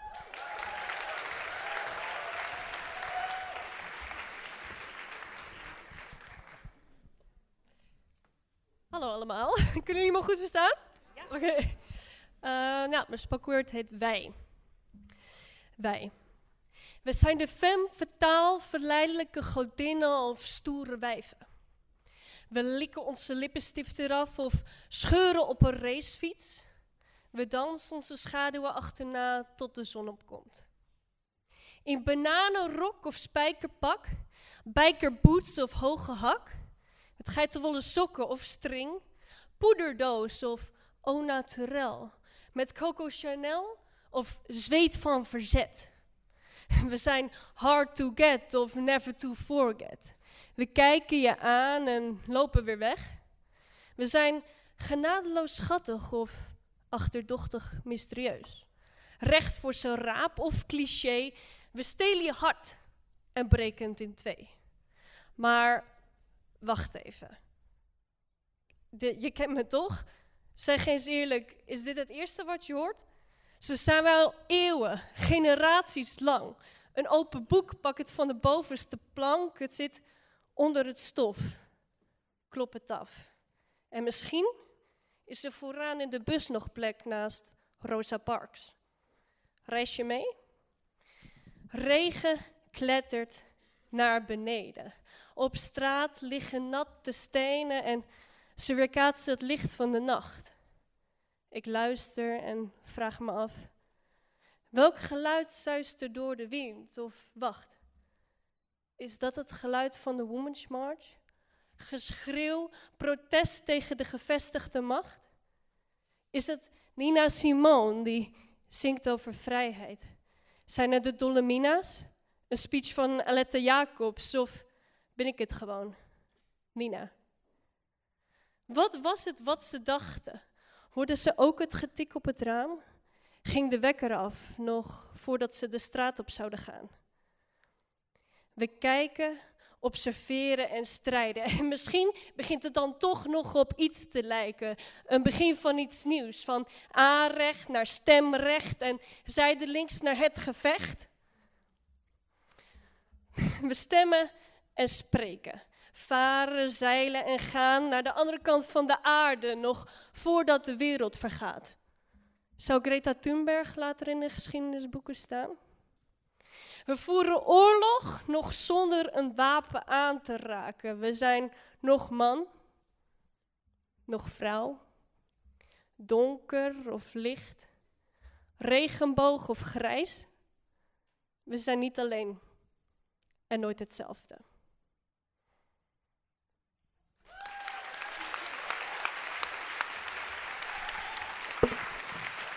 Nina Bakker, dankjewel. Wat een knappe prestatie. En wat ik ook nog had moeten zeggen is dat het thema van deze maand van de geschiedenis, die nog wel geteld twee dagen duurt, het thema is zij, hij. Allebei met een lange ei. Ja, want anders betekent het iets heel anders. Ik wil het best op het bord uitwerken, maar daar hebben we ook geen tijd voor. Trouwens, op het bord staat, omdat mensen er natuurlijk naar vroegen, anders deed ik dat niet, staat mijn uh, televisiestation op YouTube. Klein, klein tussentijds ding. Klein, geeft helemaal niks. Goed. De eregast van vanavond werd in Willemstad op Curaçao geboren. Toen ze in Nederland voor onderwijzeres studeerde, viel het haar op dat Nederlandse kinderen bijna niks weten over de Nederlandse Antillen. Terwijl zij nog leerde dat de Rijn bij Lobit ons land binnenkomt. Eenmaal terug in Curaçao werd ze lid van de politieke partij Partido Nacional de Pueblo, oftewel de Nationale uh, Volkspartij. Een oud-premier van de Antillen had haar ooit gezegd dat vrouwen altijd kritiek uiten op mannen, maar zelf niet de moed hebben om de politiek in te gaan. Well, she showed him. Van 1984 tot 86 en van 88 tot 94 was ze premier van de Nederlandse Antillen. En daarmee is ze de eerste langzittende, direct gekozen vrouwelijke premier binnen het Koninkrijk, Koninkrijk der Nederlanden. In 77 was Lucina da Costa Gomez Mateus heel kort premier, iets van 40 dagen, nog niet eens. En ze kwam ook maar binnenlopen, dus onze gast was de eerste echte. Ze heeft zich altijd met hart en ziel ingezet voor de vrouwenbeweging. En daarnaast heeft ze een grote rol gespeeld tijdens de oliecrisis en uh, het dreigende vertrek van Shell uit Curaçao. En verder was ze een van de sleutelfiguren tijdens de hervorming van de staatkundige structuur van de eilanden. Ze is nog steeds heel erg geliefd onder Antillianen. Ze draagt de koosnaam De Wens van het, uh, van het Volk, hopelijk met trots. Haar populariteit strekte ook buiten de grenzen, uh, want ze wordt gezien als een politiek rolmodel voor vrouwen. En voor mannen ook trouwens, why not? Uh, het is dan ook niet voor niks dat ze later lid werd van de Raad van Vrouwelijke Wereldleiders. En dat is een wereldwijd netwerk van huidige en voormalige vrouwelijke presidenten en premiers ten behoeve van vrouwenzaken. Ik ben ontzettend trots om haar te mogen aankondigen. Hier is Maria Liberia Peters.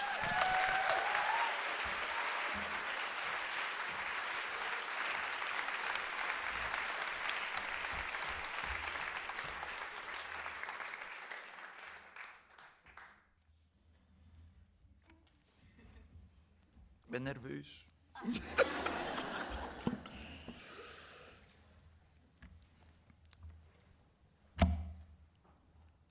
Agnes, Mark,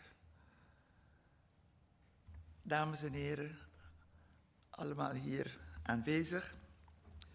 Ik heb enorm genoten van de presentatie van mijn voorgangers. Tops, hobbywoon, tops. Ik heb ook veel geleerd, ontzettend veel geleerd. En hoop nu een steentje te mogen bijdragen. In de eerste plaats een dank aan Adria die mij heeft uitgenodigd om naar Nederland te komen. En doordat Atria mij heeft uitgenodigd, ben ik zo blij dat ik ook kan meedoen in het programma van Van Gisteren. Gisteren hadden we het al over de naam van gisteren, inventief. En sta me toe de naam te noemen van Devika Partiman van stem, stem, op een, stem voor een vrouw of stem op een vrouw. Maar ik vind het heel leuk om te weten dat ik ook hier in Nederland een fan had en heb. Dank je, De Vika. Devika. Op het internet treft men een pagina dat als titel draagt Caribbean Elections. Het hoofdstuk Women in Politics in the Caribbean geeft een opsomming van voormalige prime ministers in de Caribische regio. Maria Liberia Peters en de vier andere vrouwelijke voormalige premiers van de Nederlandse Antillen zijn op die lijst de grote afwezigen. Dus, Agnes, Mark, de geschiedenis die ook anderen nooit hebben gehad. Misschien is er werk ook voor jullie in de Caribbean. Be our guest, come over. Daarnet hebben we al gehoord dat Lucina da Costa Gomez, ik zeg altijd statistisch is zij de eerste geweest. Ik zeg altijd statistisch. Ze is er niet meer, maar statistisch, want het was inderdaad voor een bijzonder korte periode.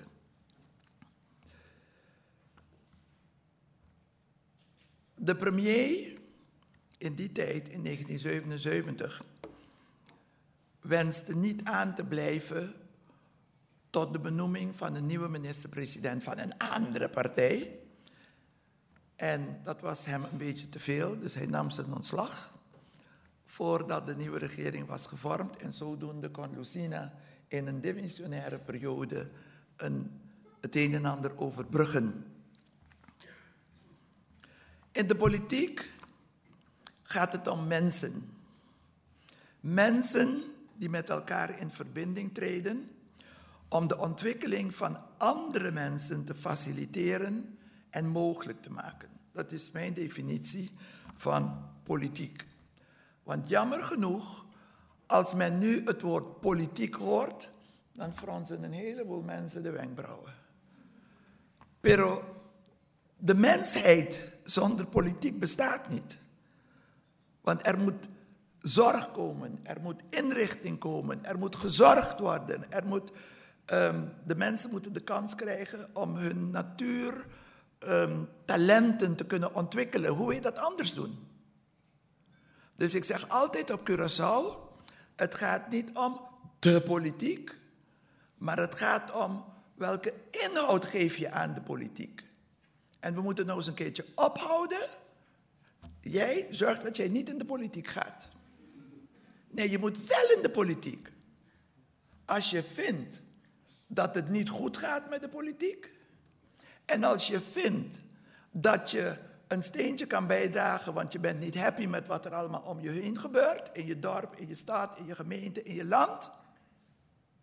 Sta niet aan de kant en heb dan het grootste woord. Ga in de politiek. En zorg dat je net be the difference. Het lukt je niet overnight. Ik zie een heleboel jonge mensen hier.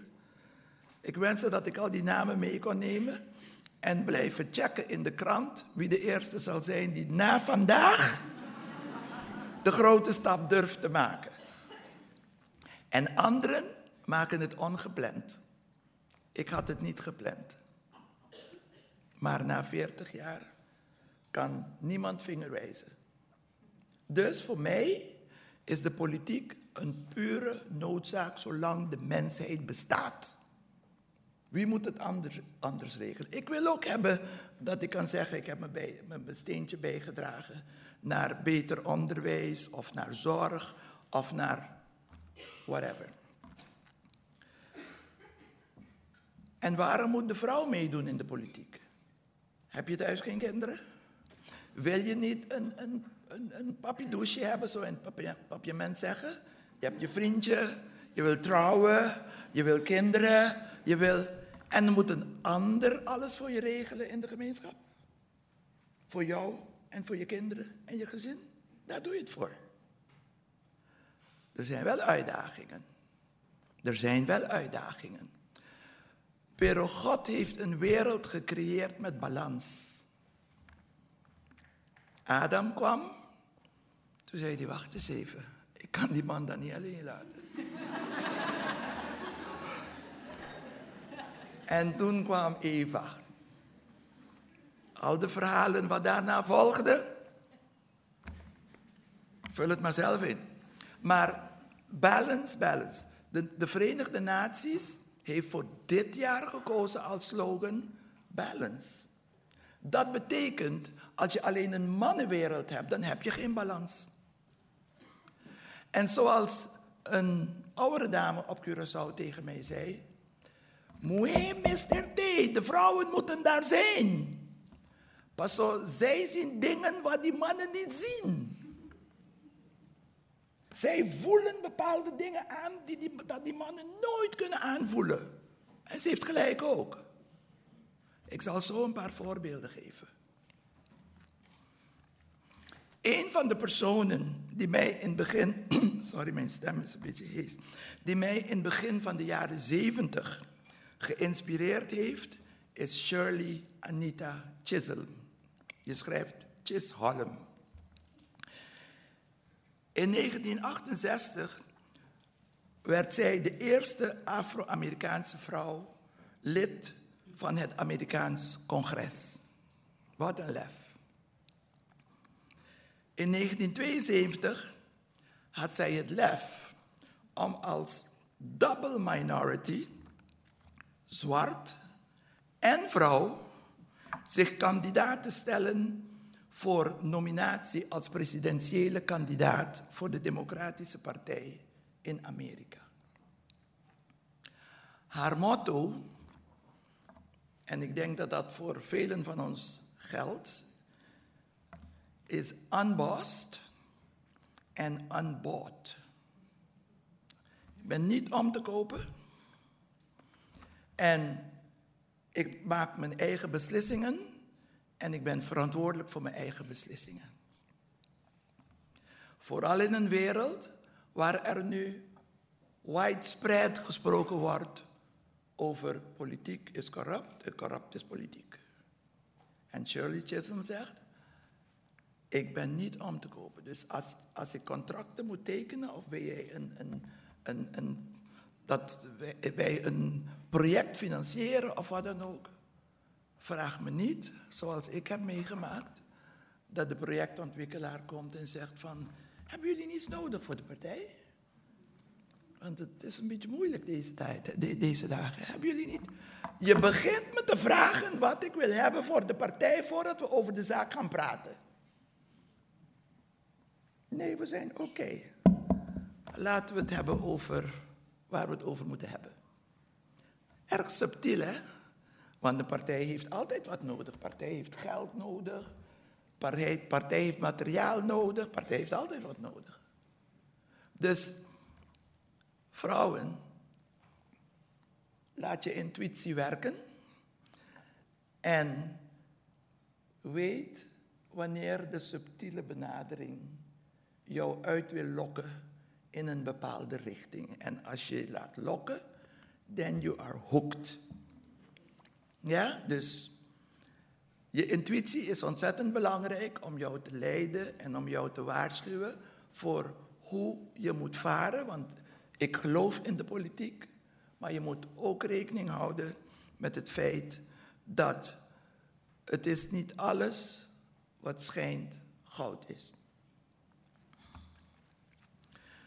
Shirley Chisholm was van beroep een early childhood educator, kleuterlijster, met een masterdiploma van Columbia University in New York. Maria Liberia Peters, hoofdkleuterleidster, met een diploma MO Pedagogiek. Dus, Shirley can do it. I can do it. Die niet waagt, die niet wint. Internationaal jaar van de vrouw, ik werd uitgedaagd. En voordat ik wist, kon ik de twee vingers opsteken, eet afleggen. In, in de periode 75-84 ben ik zo'n negen jaar actief geweest in de politiek op verschillende posten, zoals lid van de Eilandsraad, gedeputeerde, waarnemend gezaghebber, vergelijkbaar met, u, met jullie gemeenteraad, wethouder, waarnemend burgemeester. Helemaal in mijn comfortzone, want op lokaal niveau ben je in direct, directer contact met de basis. In 82 besloot de Nationale Volkspartij mij voor een periode van zes maanden. Ik, in de partij werd ik vaak genoemd stopverf. Waar er een gat was. Stopverf. Per enfin.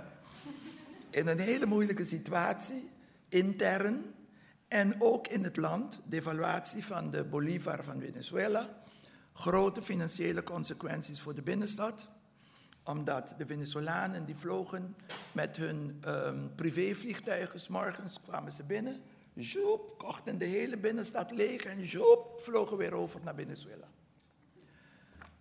Toen de Bolivar devalueerde, de handel viel. En er stonden twee dingen te wachten. Enorme werkeloosheid, vooral van de vrouwen die in de binnenstad werkten in de handel. En ook onze verwerkende industrie dreigde overspoeld te worden door de import van Venezolaanse um, producten. Dus aan de ene kant moest ik een boodschap brengen naar de vrouwen vooral die in de handel werkten, de message of hope. Want niets is voor altijd, dus de message of hope. En in de tweede plaats moest ik een heleboel kritiek incasseren van de importeurs. Want de importeurs zagen de, zagen de kans om enorm veel geld te verdienen. Dubbel zoveel, want de producten van Venezuela werden dan voor ons lekker goedkoop. Maar wij flansten in elkaar een wet tegen dumping. En dat betekende dat de importeurs niet meer mochten importeren dan zoveel procent van het jaar daarvoor om een beetje balans te, te hebben en onze lokale kleine verwerkende industrieën te, te, um, te beschermen. Dus aan de ene kant had ik veel vrouwen van de binnenstad, ook leden van mijn partij, die zeiden van, Marie, ik ben mijn werk, mijn baan kwijt, de zaak gaat dicht en bla bla bla bla bla.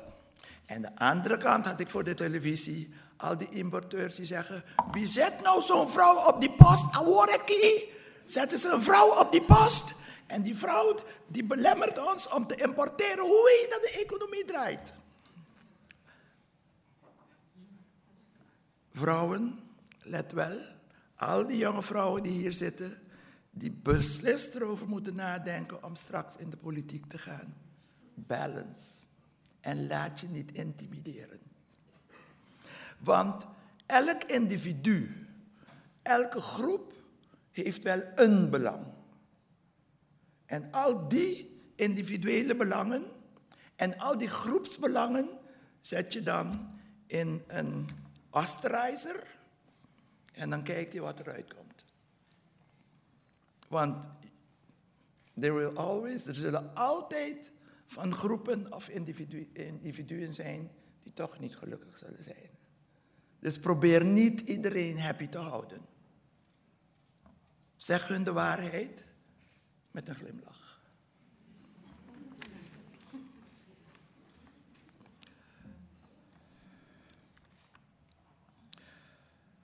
Dus, in onze Caribische matriarchale familiecultuur is de positie van de vrouw, zij het moeder, grootmoeder, oudste zus, peetante, etc.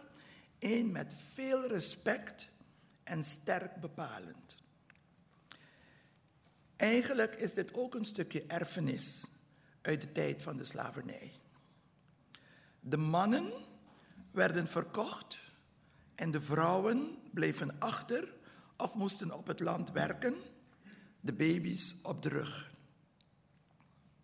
Bovendien hadden zij de zorg voor voedsel, zorg en het algemeen welzijn. In Nederland bestaat het verschijnsel dat op de verkiezingslijsten van de lokale partijen in gemeentes of provincies andere kandidaten staan dan die op verkiezingslijsten voor de Tweede Kamer. Bij ons heb je de verkiezingslijsten met kandidaten, zoals ik ben geweest, die in alle uithoeken van het eiland campagne moeten voeren. Dus nationwide.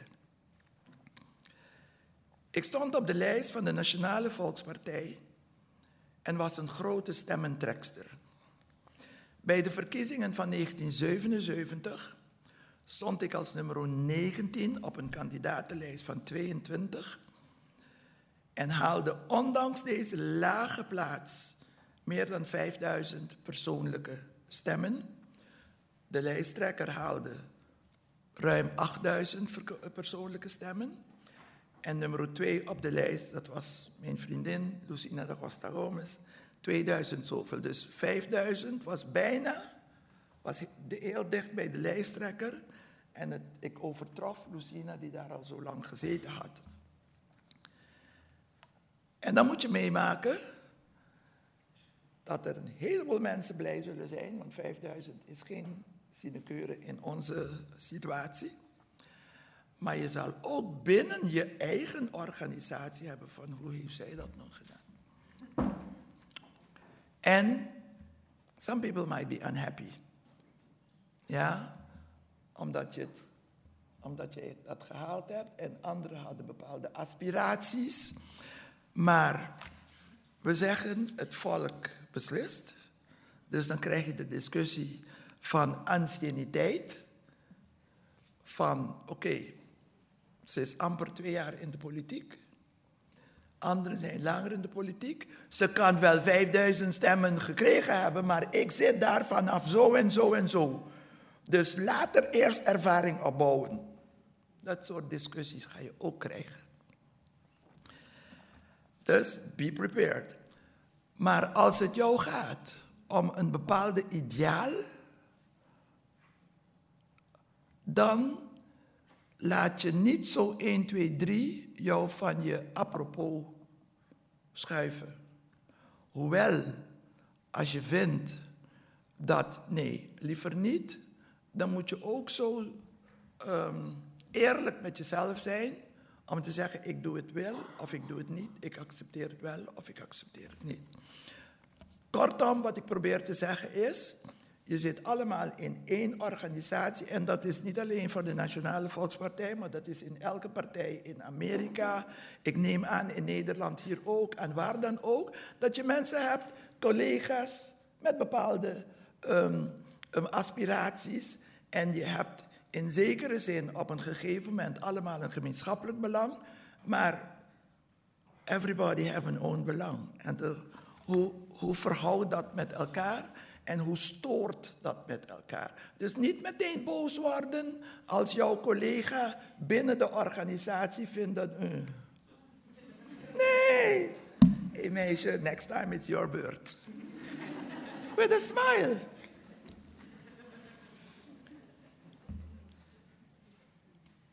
In 1982 lukte het mij om zelfs een hoger aantal stemmen dan de nieuwe lijsttrekker te behalen. Wantje Evert trad af, Gilbert de Paula trad aan. Ik kreeg als nummer vier op de lijst meer stemmen dan de lijsttrekker.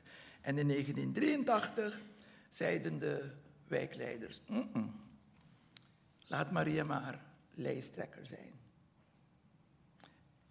Het was een wijkleider die zei: ik heb een goede slogan voor de campagne.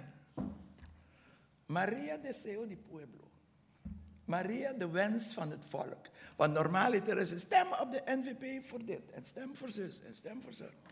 Dus toen werd Maria Deseo di Pueblo uh, geboren in een zaal van de vergadering van wijkleiders. En tot nu toe, als ik de straten loop en ik ben niet meer actief in de politiek, tenminste op de voorgrond, dan hoor ik het soms zeggen en klinken. Dan moet je daar zien, Maria Deseo di Pueblo. Voor mij een prachtige slogan. Want dat betekent dat een connection is, verbinding tussen jou als kandidaat met het volk. Men kan zich met jou identificeren en daar gaat het ook om in de politiek.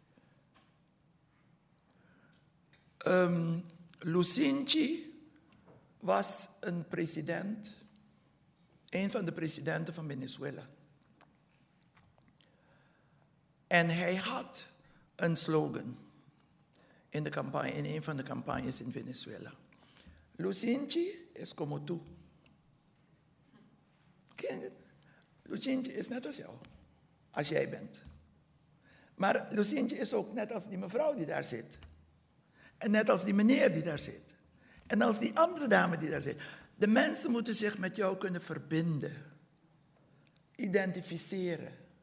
Voelen van, ja, hij of zij doet het namens mij. Maar wat houdt dat in? Dat houdt in dat je academisch geschoold kan zijn, je kan professor zijn, je kan dokter zijn, maar je, je moet die link weten te leggen tussen degene die naar de stembus gaat en jouw persoon. En kom niet, zoals je soms ziet, van ja, ik ben doctorandus en ik ben meester en het is heel moeilijk om deze mensen uit te leggen, weet je, wat je voor hun wil doen. Want dat maak ik ook mee. Je kan doctorande zijn, je kan dokter zijn, maar als die domme vrouw, dom tussen aanhalingstekens, die twee klassen basisschool heeft gehad, jou niet begrijpt, dan heb jij een probleem. Want die vrouw die is er nou eenmaal. En zij stemt, zij of hij stemt, dat jij in die positie komt. Wat ik altijd probeer duidelijk te maken thuis, of tenminste op Curaçao als ik praat met groepen en vooral met jongere groepen en zo. Iedereen moet zoveel mogelijk zich blijven ontwikkelen. Ik geloof in lifelong learning. Right? Dat vrouwtje van 80 jaar die naar de computerles gaat. Ze kan mij veel leren. Die naar de computerles gaat. En steeds van de ene cursus naar de andere, de andere training naar de andere. Maar vergeet niet dat wanneer jij je verder ontwikkelt, don't lose contact. Want eens in de vier jaar ga je naar haar toe. En dan denkt ze, maar wie is die toch? Als ik er over de televisie hoor praten, dan kan je niet eens begrijpen waar ze het over heeft.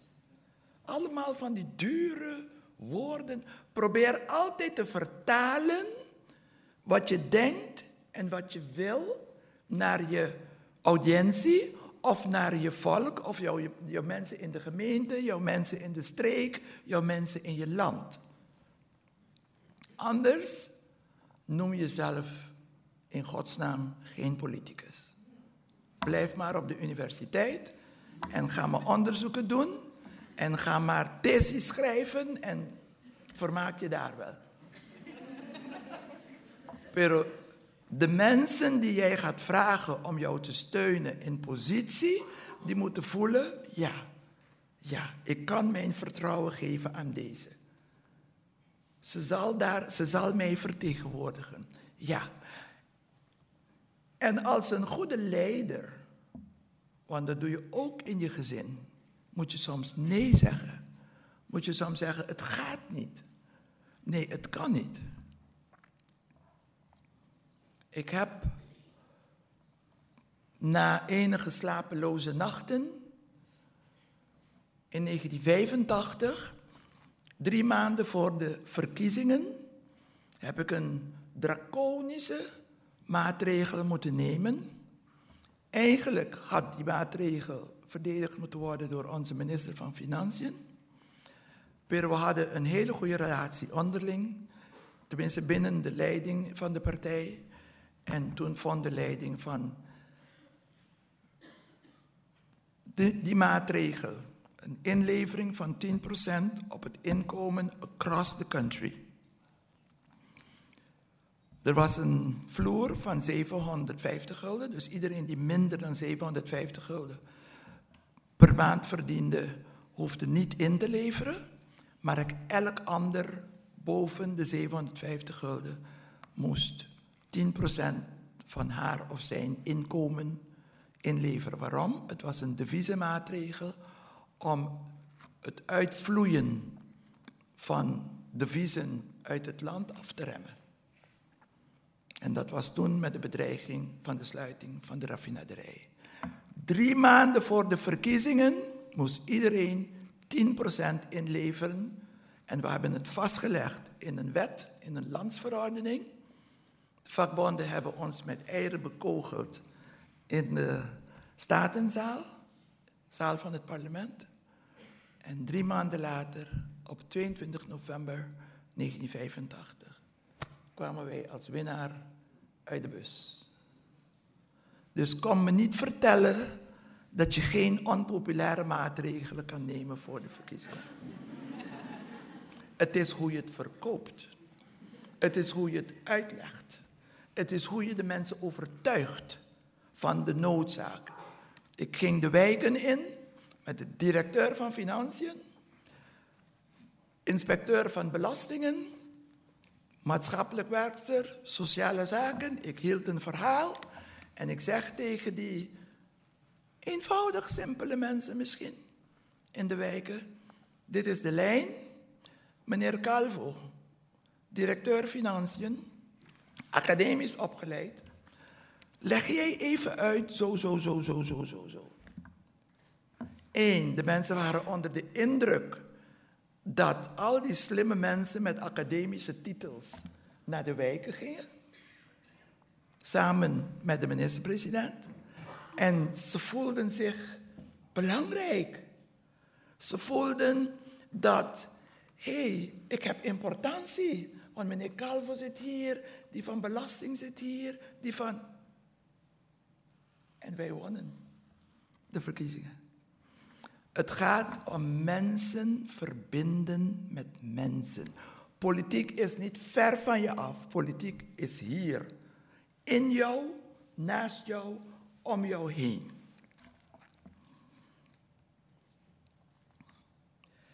In 1972 trouwde ik met Niels Francisco Liberia. Een man, custom made zeg ik altijd. Ik kan dat woord niet vertalen. Custom made. He was meant for me. In mijn gezin hadden wij vrijwel geen last van de macho-cultuur. Waarbij er vanuit wordt gegaan dat de man letterlijk en figuurlijk voorop loopt. Mijn man wist vaak op humoreuze, humoreuze, humoreuze wijze, humoristisch, humoreuze wijze, elke schijn op te vangen of af te wendelen. Ik, ga, ik, ik moet zeggen, Niels als levenspartner, en er zijn een paar mensen in de zaal hier die dat kunnen getuigen, mijn nichtjes, mijn zus, etc. Niels als levenspartner heeft heel sterk bijgedragen tot het succes van mijn politieke carrière. Als vrouw en moeder van twee kleine kinderen. Mijn kinderen waren toen heel klein. En dan heb ik een grote lange man hier, die eens klein was. Op 31 mei 1998 overleed hij helaas op 59-jarige leeftijd. Als je jong bent, je bent pas afgestudeerd of je gaat naar de universiteit, je wil carrière maken en dan denk je, trouwen niet trouwen, maar ik vind de politiek ook wel interessant. Maar ik heb een vriendje en op de een of andere manier make him part of it. Want als jij het niet doet, dan he gets lost. Want de politiek vereist heel veel aandacht en inzet van jou als vrouw. Maar we hebben nou eenmaal bepaalde um, posities en situaties als vrouw waar we niet omheen kunnen. We willen graag ook kinderen hebben. We willen ook graag onze, onze beroep uitoefenen. We willen, en dat moet je altijd doen op een manier. Elke geval is apart. Je moet zelf de weg vinden to make him part of it. Ik heb veel stakingen moeten trotseren. Onderwijsvakbond, betere arbeidsvoorwaarden, la la la la, etc. Mijn man ging soms in het hol van de leeuw met een, een, een gym met één veter, een pet achter, uh, achterstevoren, een, een broek met allemaal gaten, weet je, als een nozem. Ging hij daar ergens zitten tussen bepaalde groepen. Wat deed hij daar? Opvangen. Luisteren. Opvangen. Op een gegeven moment was hij ergens en iemand moest gezegd hebben: hé, hé, hé, die man die daar zit, no? hij lijkt erg veel op de man van, je weet, die, die, je weet. Hij kijkt zo van, en hij zei in het papiaments iets wat ik nu niet zal herhalen. No puntje, puntje, komi. Dus laat me met rust. Je denkt dat je getrouwd bent en je hebt een vrouw met kinderen en je ziet er nooit en tuiken, tuiken, tuiken. Ze kregen haast medelijden met hem. Maar hij lokte bepaalde dingen uit. En dan kwam hij thuis en dan zegt hij tegen mij. en dan kwam het eruit. Ik heb dit en dat en dat en dat opgevangen. En als je straks zin hebt of morgen of zo kunnen we erover praten. En, maar hij had al een tegenstrategie bedacht. Dus hij was mijn IVD. dus he became part of my job. Dus op een gegeven moment, jonge vrouwen, graag de politiek vanwege dus de continuïteit, moet, is dat erg, eh, heeft dat enorm veel importantie in elk land. Maar aan de ene kant, live your dream en probeer ook je partner to live, to assist you in living your dream. Make him part of it. Nog twee minuten. Ja.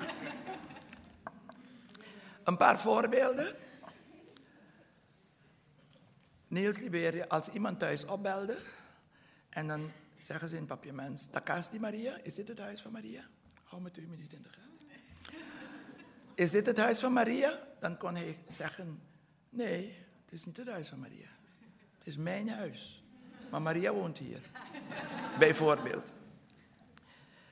Ehm, als, wij, als ik namens het koninkrijk, ehm, het koninkrijk en groothertogdom van Luxemburg moest vertegenwoordigen bij bepaalde officiële ehm, evenementen en ehm, inzwering van verschillende nieuwe presidenten in de regio, Nicaragua, Venezuela, San Domingo, etc.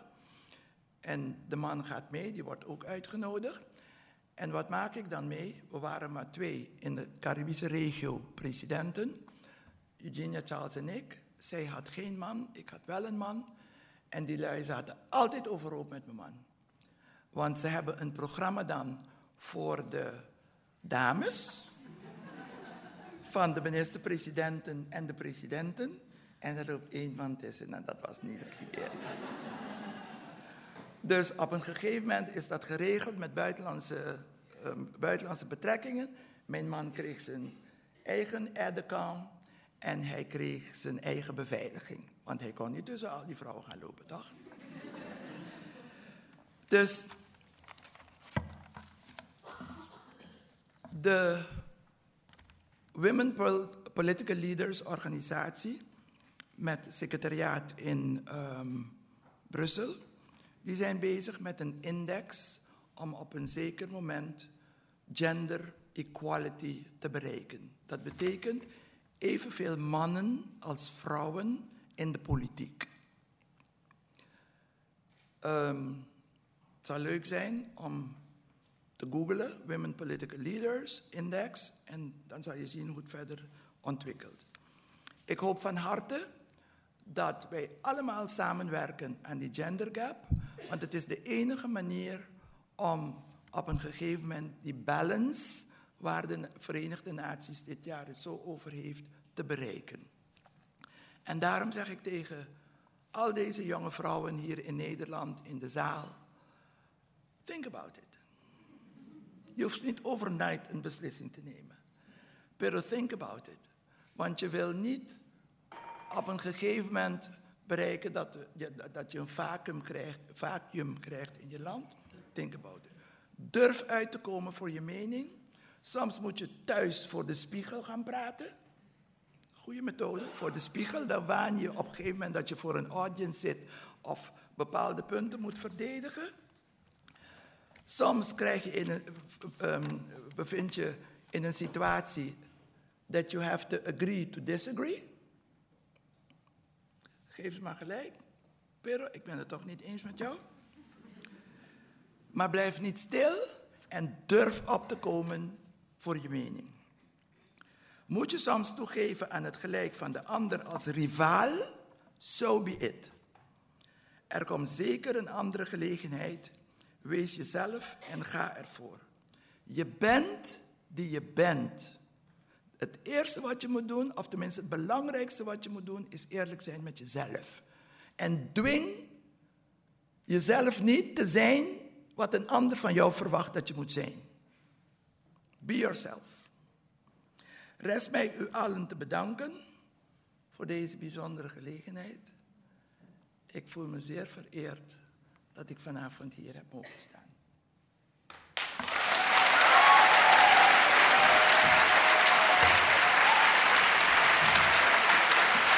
Maria Liberia Peters, komt u even bij me?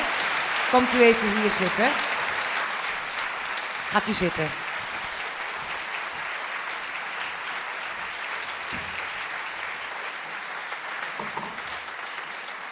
Ik schenk even een glaasje water voor u in. Dan kunt u heel even bijkomen. Want ik heb nog een paar vragen aan u. En terwijl u even bijkomt, wil ik even nog een link maken tussen Lisette hier op de tweede rij. Lisette was het, hè? Oh, je hebt het al gemaakt. Nou, waar bemoei ik me dan mee verder? Oké, het komt goed, Agnes, met uh, de uitgeverij. Daar ging het even om. Oké, daar ging het. Oké. Mevrouw Peters, ik had 600 pagina's met vragen. Maar daar hebben we helaas niet zoveel tijd meer voor. Ik wil u graag eventjes toch nog twee of drie dingen vragen, als het mag. U hebt wel uitgelegd waar uw politieke hart sneller van ging kloppen. Dus we begrijpen dat u die politiek bent ingegaan. Maar ik wil heel even in het kort van u weten, wat voor meisje was Maria van acht jaar? Hoe keek u naar de wereld? Gedurende mijn periode Nee, toen u echt klein was. Dat is wat ik wil weten. Oh, toen ik klein ja, was? Ja, Meisje van acht jaar? Wat voor meisje was In de week? Ja. Ik was een lief meisje. Ja. Een beetje ondeugend nu en dan op school. Een schoolgenoot van mij zit hier in de zaal. Paulien, waar zit je? Paulien, waar is Paulien? Uh, daar is daar Paulien. zit Paulien. Ja. We zijn samen op de Wilminenschool Was ze lief? Oké, ja. Maar wij haalden kattenkwaad uit. Oké. Maar geen vervelende dingen, beledigende leuke dingen. kattenkwaad. Leuke kattenkwaad. Ja, Wekkers, we hadden lessenaars met kleppen. En de lieve, lieve, lieve, lieve, extra lieve kinderen van de juffrouw, van bepaalde juffrouw, bepaalde, we stopten een wekker in haar la.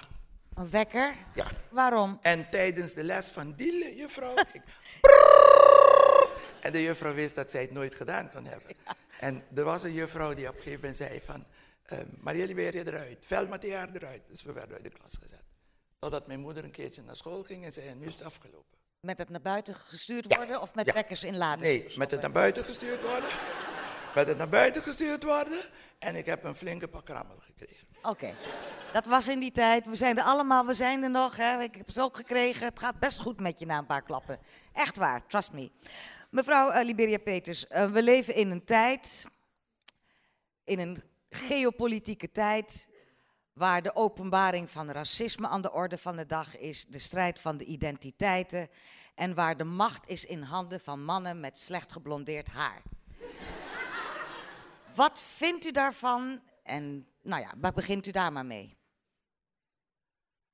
Daarom Microfoon. Is, daarom is het juist belangrijk dat we even stilstaan bij wat wij kunnen bijdragen als vrouw in de maatschappij. Um, als wij niet een vrouw hadden gehad op de post van welzijnszorg, dan had je misschien nog een situatie waarbij gehuwde vrouwen um, niet konden werken bij de overheid. Want er stond in de wet, de gehuwde vrouw wordt op, de vrouw die huwt, wordt op de dag van haar huwelijk ontslagen. Dat stond in, in het landsmaterieel ambtenarenrecht. je had situaties waarbij op een gegeven moment, als er bonje was tussen man en vrouw, dat de man misschien uit huis was, dat er dan een vreemde aan de deur kwam en zei tegen de vrouw van, mevrouw, over drie maanden zou ik dit huis graag leeg willen hebben, want ik heb dat huis gekocht van jouw man. Ja, maar ik heb drie kinderen hier in dat huis. Ja, daarom geef ik u juist drie maanden. De vrouw was handelingsonbekwaam. Alleen de man was handelings, handelingsbekwaam. Dus de man, om die vrouw tuk te krijgen, nou dan verkocht hij het huis toch? Laat ik sali bij in die bij. Maar hij heeft drie kinderen. Dat gaan we niet vertalen. Ja. Nou, laat, hem maar, laat haar maar gaan en ze moet maar elders onderdak zoeken. Maar hij had drie kinderen. Ja, dat, maar dat dus met uit. andere woorden, het is ontzettend belangrijk dat vrouwen meedoen. Want zoals ik daarnet zei, dat die oude vrouw daar op Curaçao zei eens een keertje tegen mij, zij zien wat die mannen niet zien en zij voelen wat die mannen niet voelen. Maar ik zeg, de wereld is een wereld van balance. Right? De wereld is een wereld van balance. Dus we moeten samen de weg vinden en zoeken.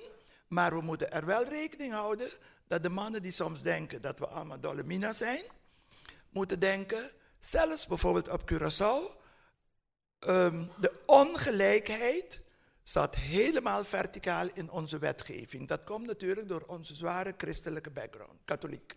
Right? Het waren de nonnetjes, de fraters, etc. In de tijd van de West-Indische Compagnie hebben ze toegestaan dat de fraters en de zusters naar Curaçao kwamen om, die, om onze beschaving, dat staat letterlijk in het boek van de protestantse Met een gemeente. hoofdletter B. Ja. Ja, om, besch- om beschaving bij te brengen. En dat is de reden waarom tot de dag van heden ehm, de geestelijke leiders die lid zijn van de Raad van Kerken een uitkering krijgen van, de van, van, van het gouvernement. Ja. Ik geloof dat er nergens ter wereld bestaat. Dus, maar ehm, we moeten zorgen voor de balance. We moeten zorgen voor de U geeft aan eh, de, de kracht die er nodig is vanuit vrouwen in de politiek. Nou zitten we ook in een tijd dat dat in opkomst is. Hè. We zien het in Amerika, we hebben het in Nederland is het gaande. Eh, jonge vrouwen, met name jonge vrouwen, dertigers, die de politiek ingaan en dat doen op een manier die totaal niet strookt met wat politiek tot nu toe is geweest. Dus ze gaan de barricades op. Eigenlijk een beetje wat u deed, de wijk in, het hebben over echte mensenzaken. Denkt u dat dat helpt? Denkt u dat dat ergens toe leidt? Want nog steeds zit ik met die slecht geblondeerde mannen die onze geopolitiek, onze democratie in de wereld aan het verzieken zijn. Denkt u dat dat tegenwicht van die jonge vrouwen, dat dat iets gaat uitmaken? Ik denk wel, kijk, je moet de dingen plaatsen in de per- perspect- perspectief van tijd. Ehm, door de staking zoveel jaar geleden in New York en in Rusland zijn we toch heel ver opgeschoten. Maar het is een ongoing struggle. En daarom is het erg belangrijk dat wij vrouwen ongeacht leeftijd blijven motiveren. Ik zeg ongeacht leeftijd, want je hebt ook vrouwen, dat hebben we vandaag gezien in de tentoonstelling, wat wij zeer sterk aanbevelen, de tentoonstelling bij de bibliotheek. Even een propaganda. Zie, Propaganda. dat ook ehm, niet alleen jonge, maar ook oudere vrouwen zich inzetten Ja. voor de strijd van gelijk. Ja, maar de macht op dit moment zegt dat een vrouw van mijn leeftijd zowat niet eens bestaat. Dus laat staan dat we. Hoe, hoe, hoe kunnen we dat. Hoe krijgen we het voor elkaar? Want politiek tot vrij recent was een mannenzaak, dat horen we de hele avond. We hebben heel wat in te halen. Hoe kunnen we die slag maken, volgens u? Door loyaal te zijn met elkaar. Waarom zeg ik loyaal? Ik weet nog, op een gegeven moment hadden wij campagne op Curaçao. En de vrouwen op de verschillende lijsten hadden afgesproken dat we elkaar niet zouden af- afvallen. Mhm. Right? Tot grote ergernis, want onze, de mannen op de verschillende verkiezingslijsten konden maar niet begrijpen waarom ik geen lelijke dingen kon zeggen over de andere kandidaat, terwijl ik bepaalde dingen wist. Ja. Dat doe je niet. Waarom? Want de cause of the woman was veel hoger dan dat ehm, politieke gewin- ongelijk- politieke on- eh, en politiek gewin. Ja. Ja. ja. Dus op een gegeven moment, en ik, ik vind ook dat als je een bepaald idee hebt of een bepaald ehm, iets wat jou, ehm, ehm, hoe moet ik dat zeggen, drijft om, om maak vorm cellen. Ik vind dat fantastisch, die 18.000 mensen, maar het hangt van de situatie af. Kun je ook beginnen met cellen, waar het hart nodig is. En zo Hoe bedoelt u cellen? Met cellen bedo- bedoel ik kleine groepjes. Ja? En proberen dan die kleine groepjes, Bij die elkaar te kleine krijgen. groepjes bij elkaar te krijgen en op een gegeven moment te laten groeien. En op een gegeven moment zodoende je ehm, cel laten uitgroeien tot een nationale beweging. Want we moeten het zelf doen. Men Ja. zal het niet voor ons doen. We Bent u optimistisch tot slot? Denkt u dat het, dat het goed komt, ooit, ever, ooit? Ja, het komt zeker goed. Want vrouwen hadden vroeger de macht, hè? Heel lang geleden hadden vrouwen de macht. Dus denkt u dat het goed komt? Het komt goed. Waarom? Want wereldwijd zijn er activiteiten gaande. Er zijn overal activisten en daarom is het belangrijk, wij doen het in het Caribisch gebied, probeer allianties aan te gaan. Ja, wij met Barbados, met Kende, met Jamaica, met noem maar op. Ehm, ehm, women political leaders in Brussel, die probeert allianties aan te gaan met vrouwen overal in het oosten, in Afrika. Twee jaar geleden was ik in Reykjavik, 300 vrouwen. Mhm. Right? En met huiswerk, we gaan naar huis met huiswerk. Want je moet op een gegeven moment hetgeen je meekrijgt, moet je in je eigen situatie vertalen. Je moet in je eigen. Dus je krijgt niet iets wat je wereldwijd kan toepassen. Maar je moet kijken in jouw situatie, wat past in jouw situatie, wat past in jouw cultuur, wat past in jouw land. En zo toch langzaam maar zeker de allianties. En soms zijn we een beetje ongeduldig, want we willen het nu zien. Ja, we wachten Maar al zo lang. Keep going. Keep going. Keep pushing. Ik zal zeggen wat Nelson Mandela gezegd heeft in Jamaica. In Jamaica? Was hij daar? Hij was daar. Vertel. Eerste land dat hij bezocht heeft. Oh ja, dat klopt. Ja. Ja. En we zaten met een klein groepje, dus de leiders van het Caribisch gebied, op uitnodiging van Michael Mandy. En ehm, Mike, eh, hoe heet die? Ehm, Mandela, die zegt, als je iets, op een gegeven moment zei de premier van St. Kitts, ik bewonder jou, hoe heb jij dat toch vol kunnen houden, 27 jaar lang? Als je een visie hebt, als je hoop hebt, als je iets wil bereiken, keep pushing. And keep pushing and keep smiling. Gun jezelf de tijd. Misschien maak jij het zelf niet meer mee. Maar ignite and keep pushing. Hierbij moeten we het helaas laten. Ik vind het prachtig woorden. Dank u wel. Maria Liberia Peters, dank u zeer. Dank u zeer. Ik ga u even eraf helpen. Help er even eraf. Niks nog fout, niks nog fout. Maria Liberia Peters!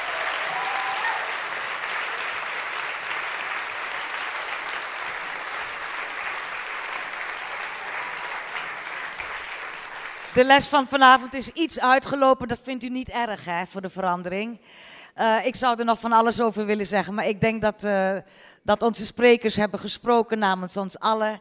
Waarvoor hartelijk dank voor de colleges. Hartelijk dank u, mevrouw Liberia Peters, voor de inspiratie die u ons brengt. U bent gewoon het levende voorbeeld van hoe het is en hoe het kan zijn en waar we naar, naar moeten streven met z'n allen. Ik ga, zoals ik zei, morgen naar Taiwan. Daar ga ik 1500 vrouwen toespreken uit de hele wereld. Ik neem jullie mee. Ik ga het daar in de groep gooien en eens kijken wat daaruit komt. Jullie allemaal hartelijk dank dat jullie hier waren. En eh, er is nog een borrel. En graag tot de volgende keer. School's out!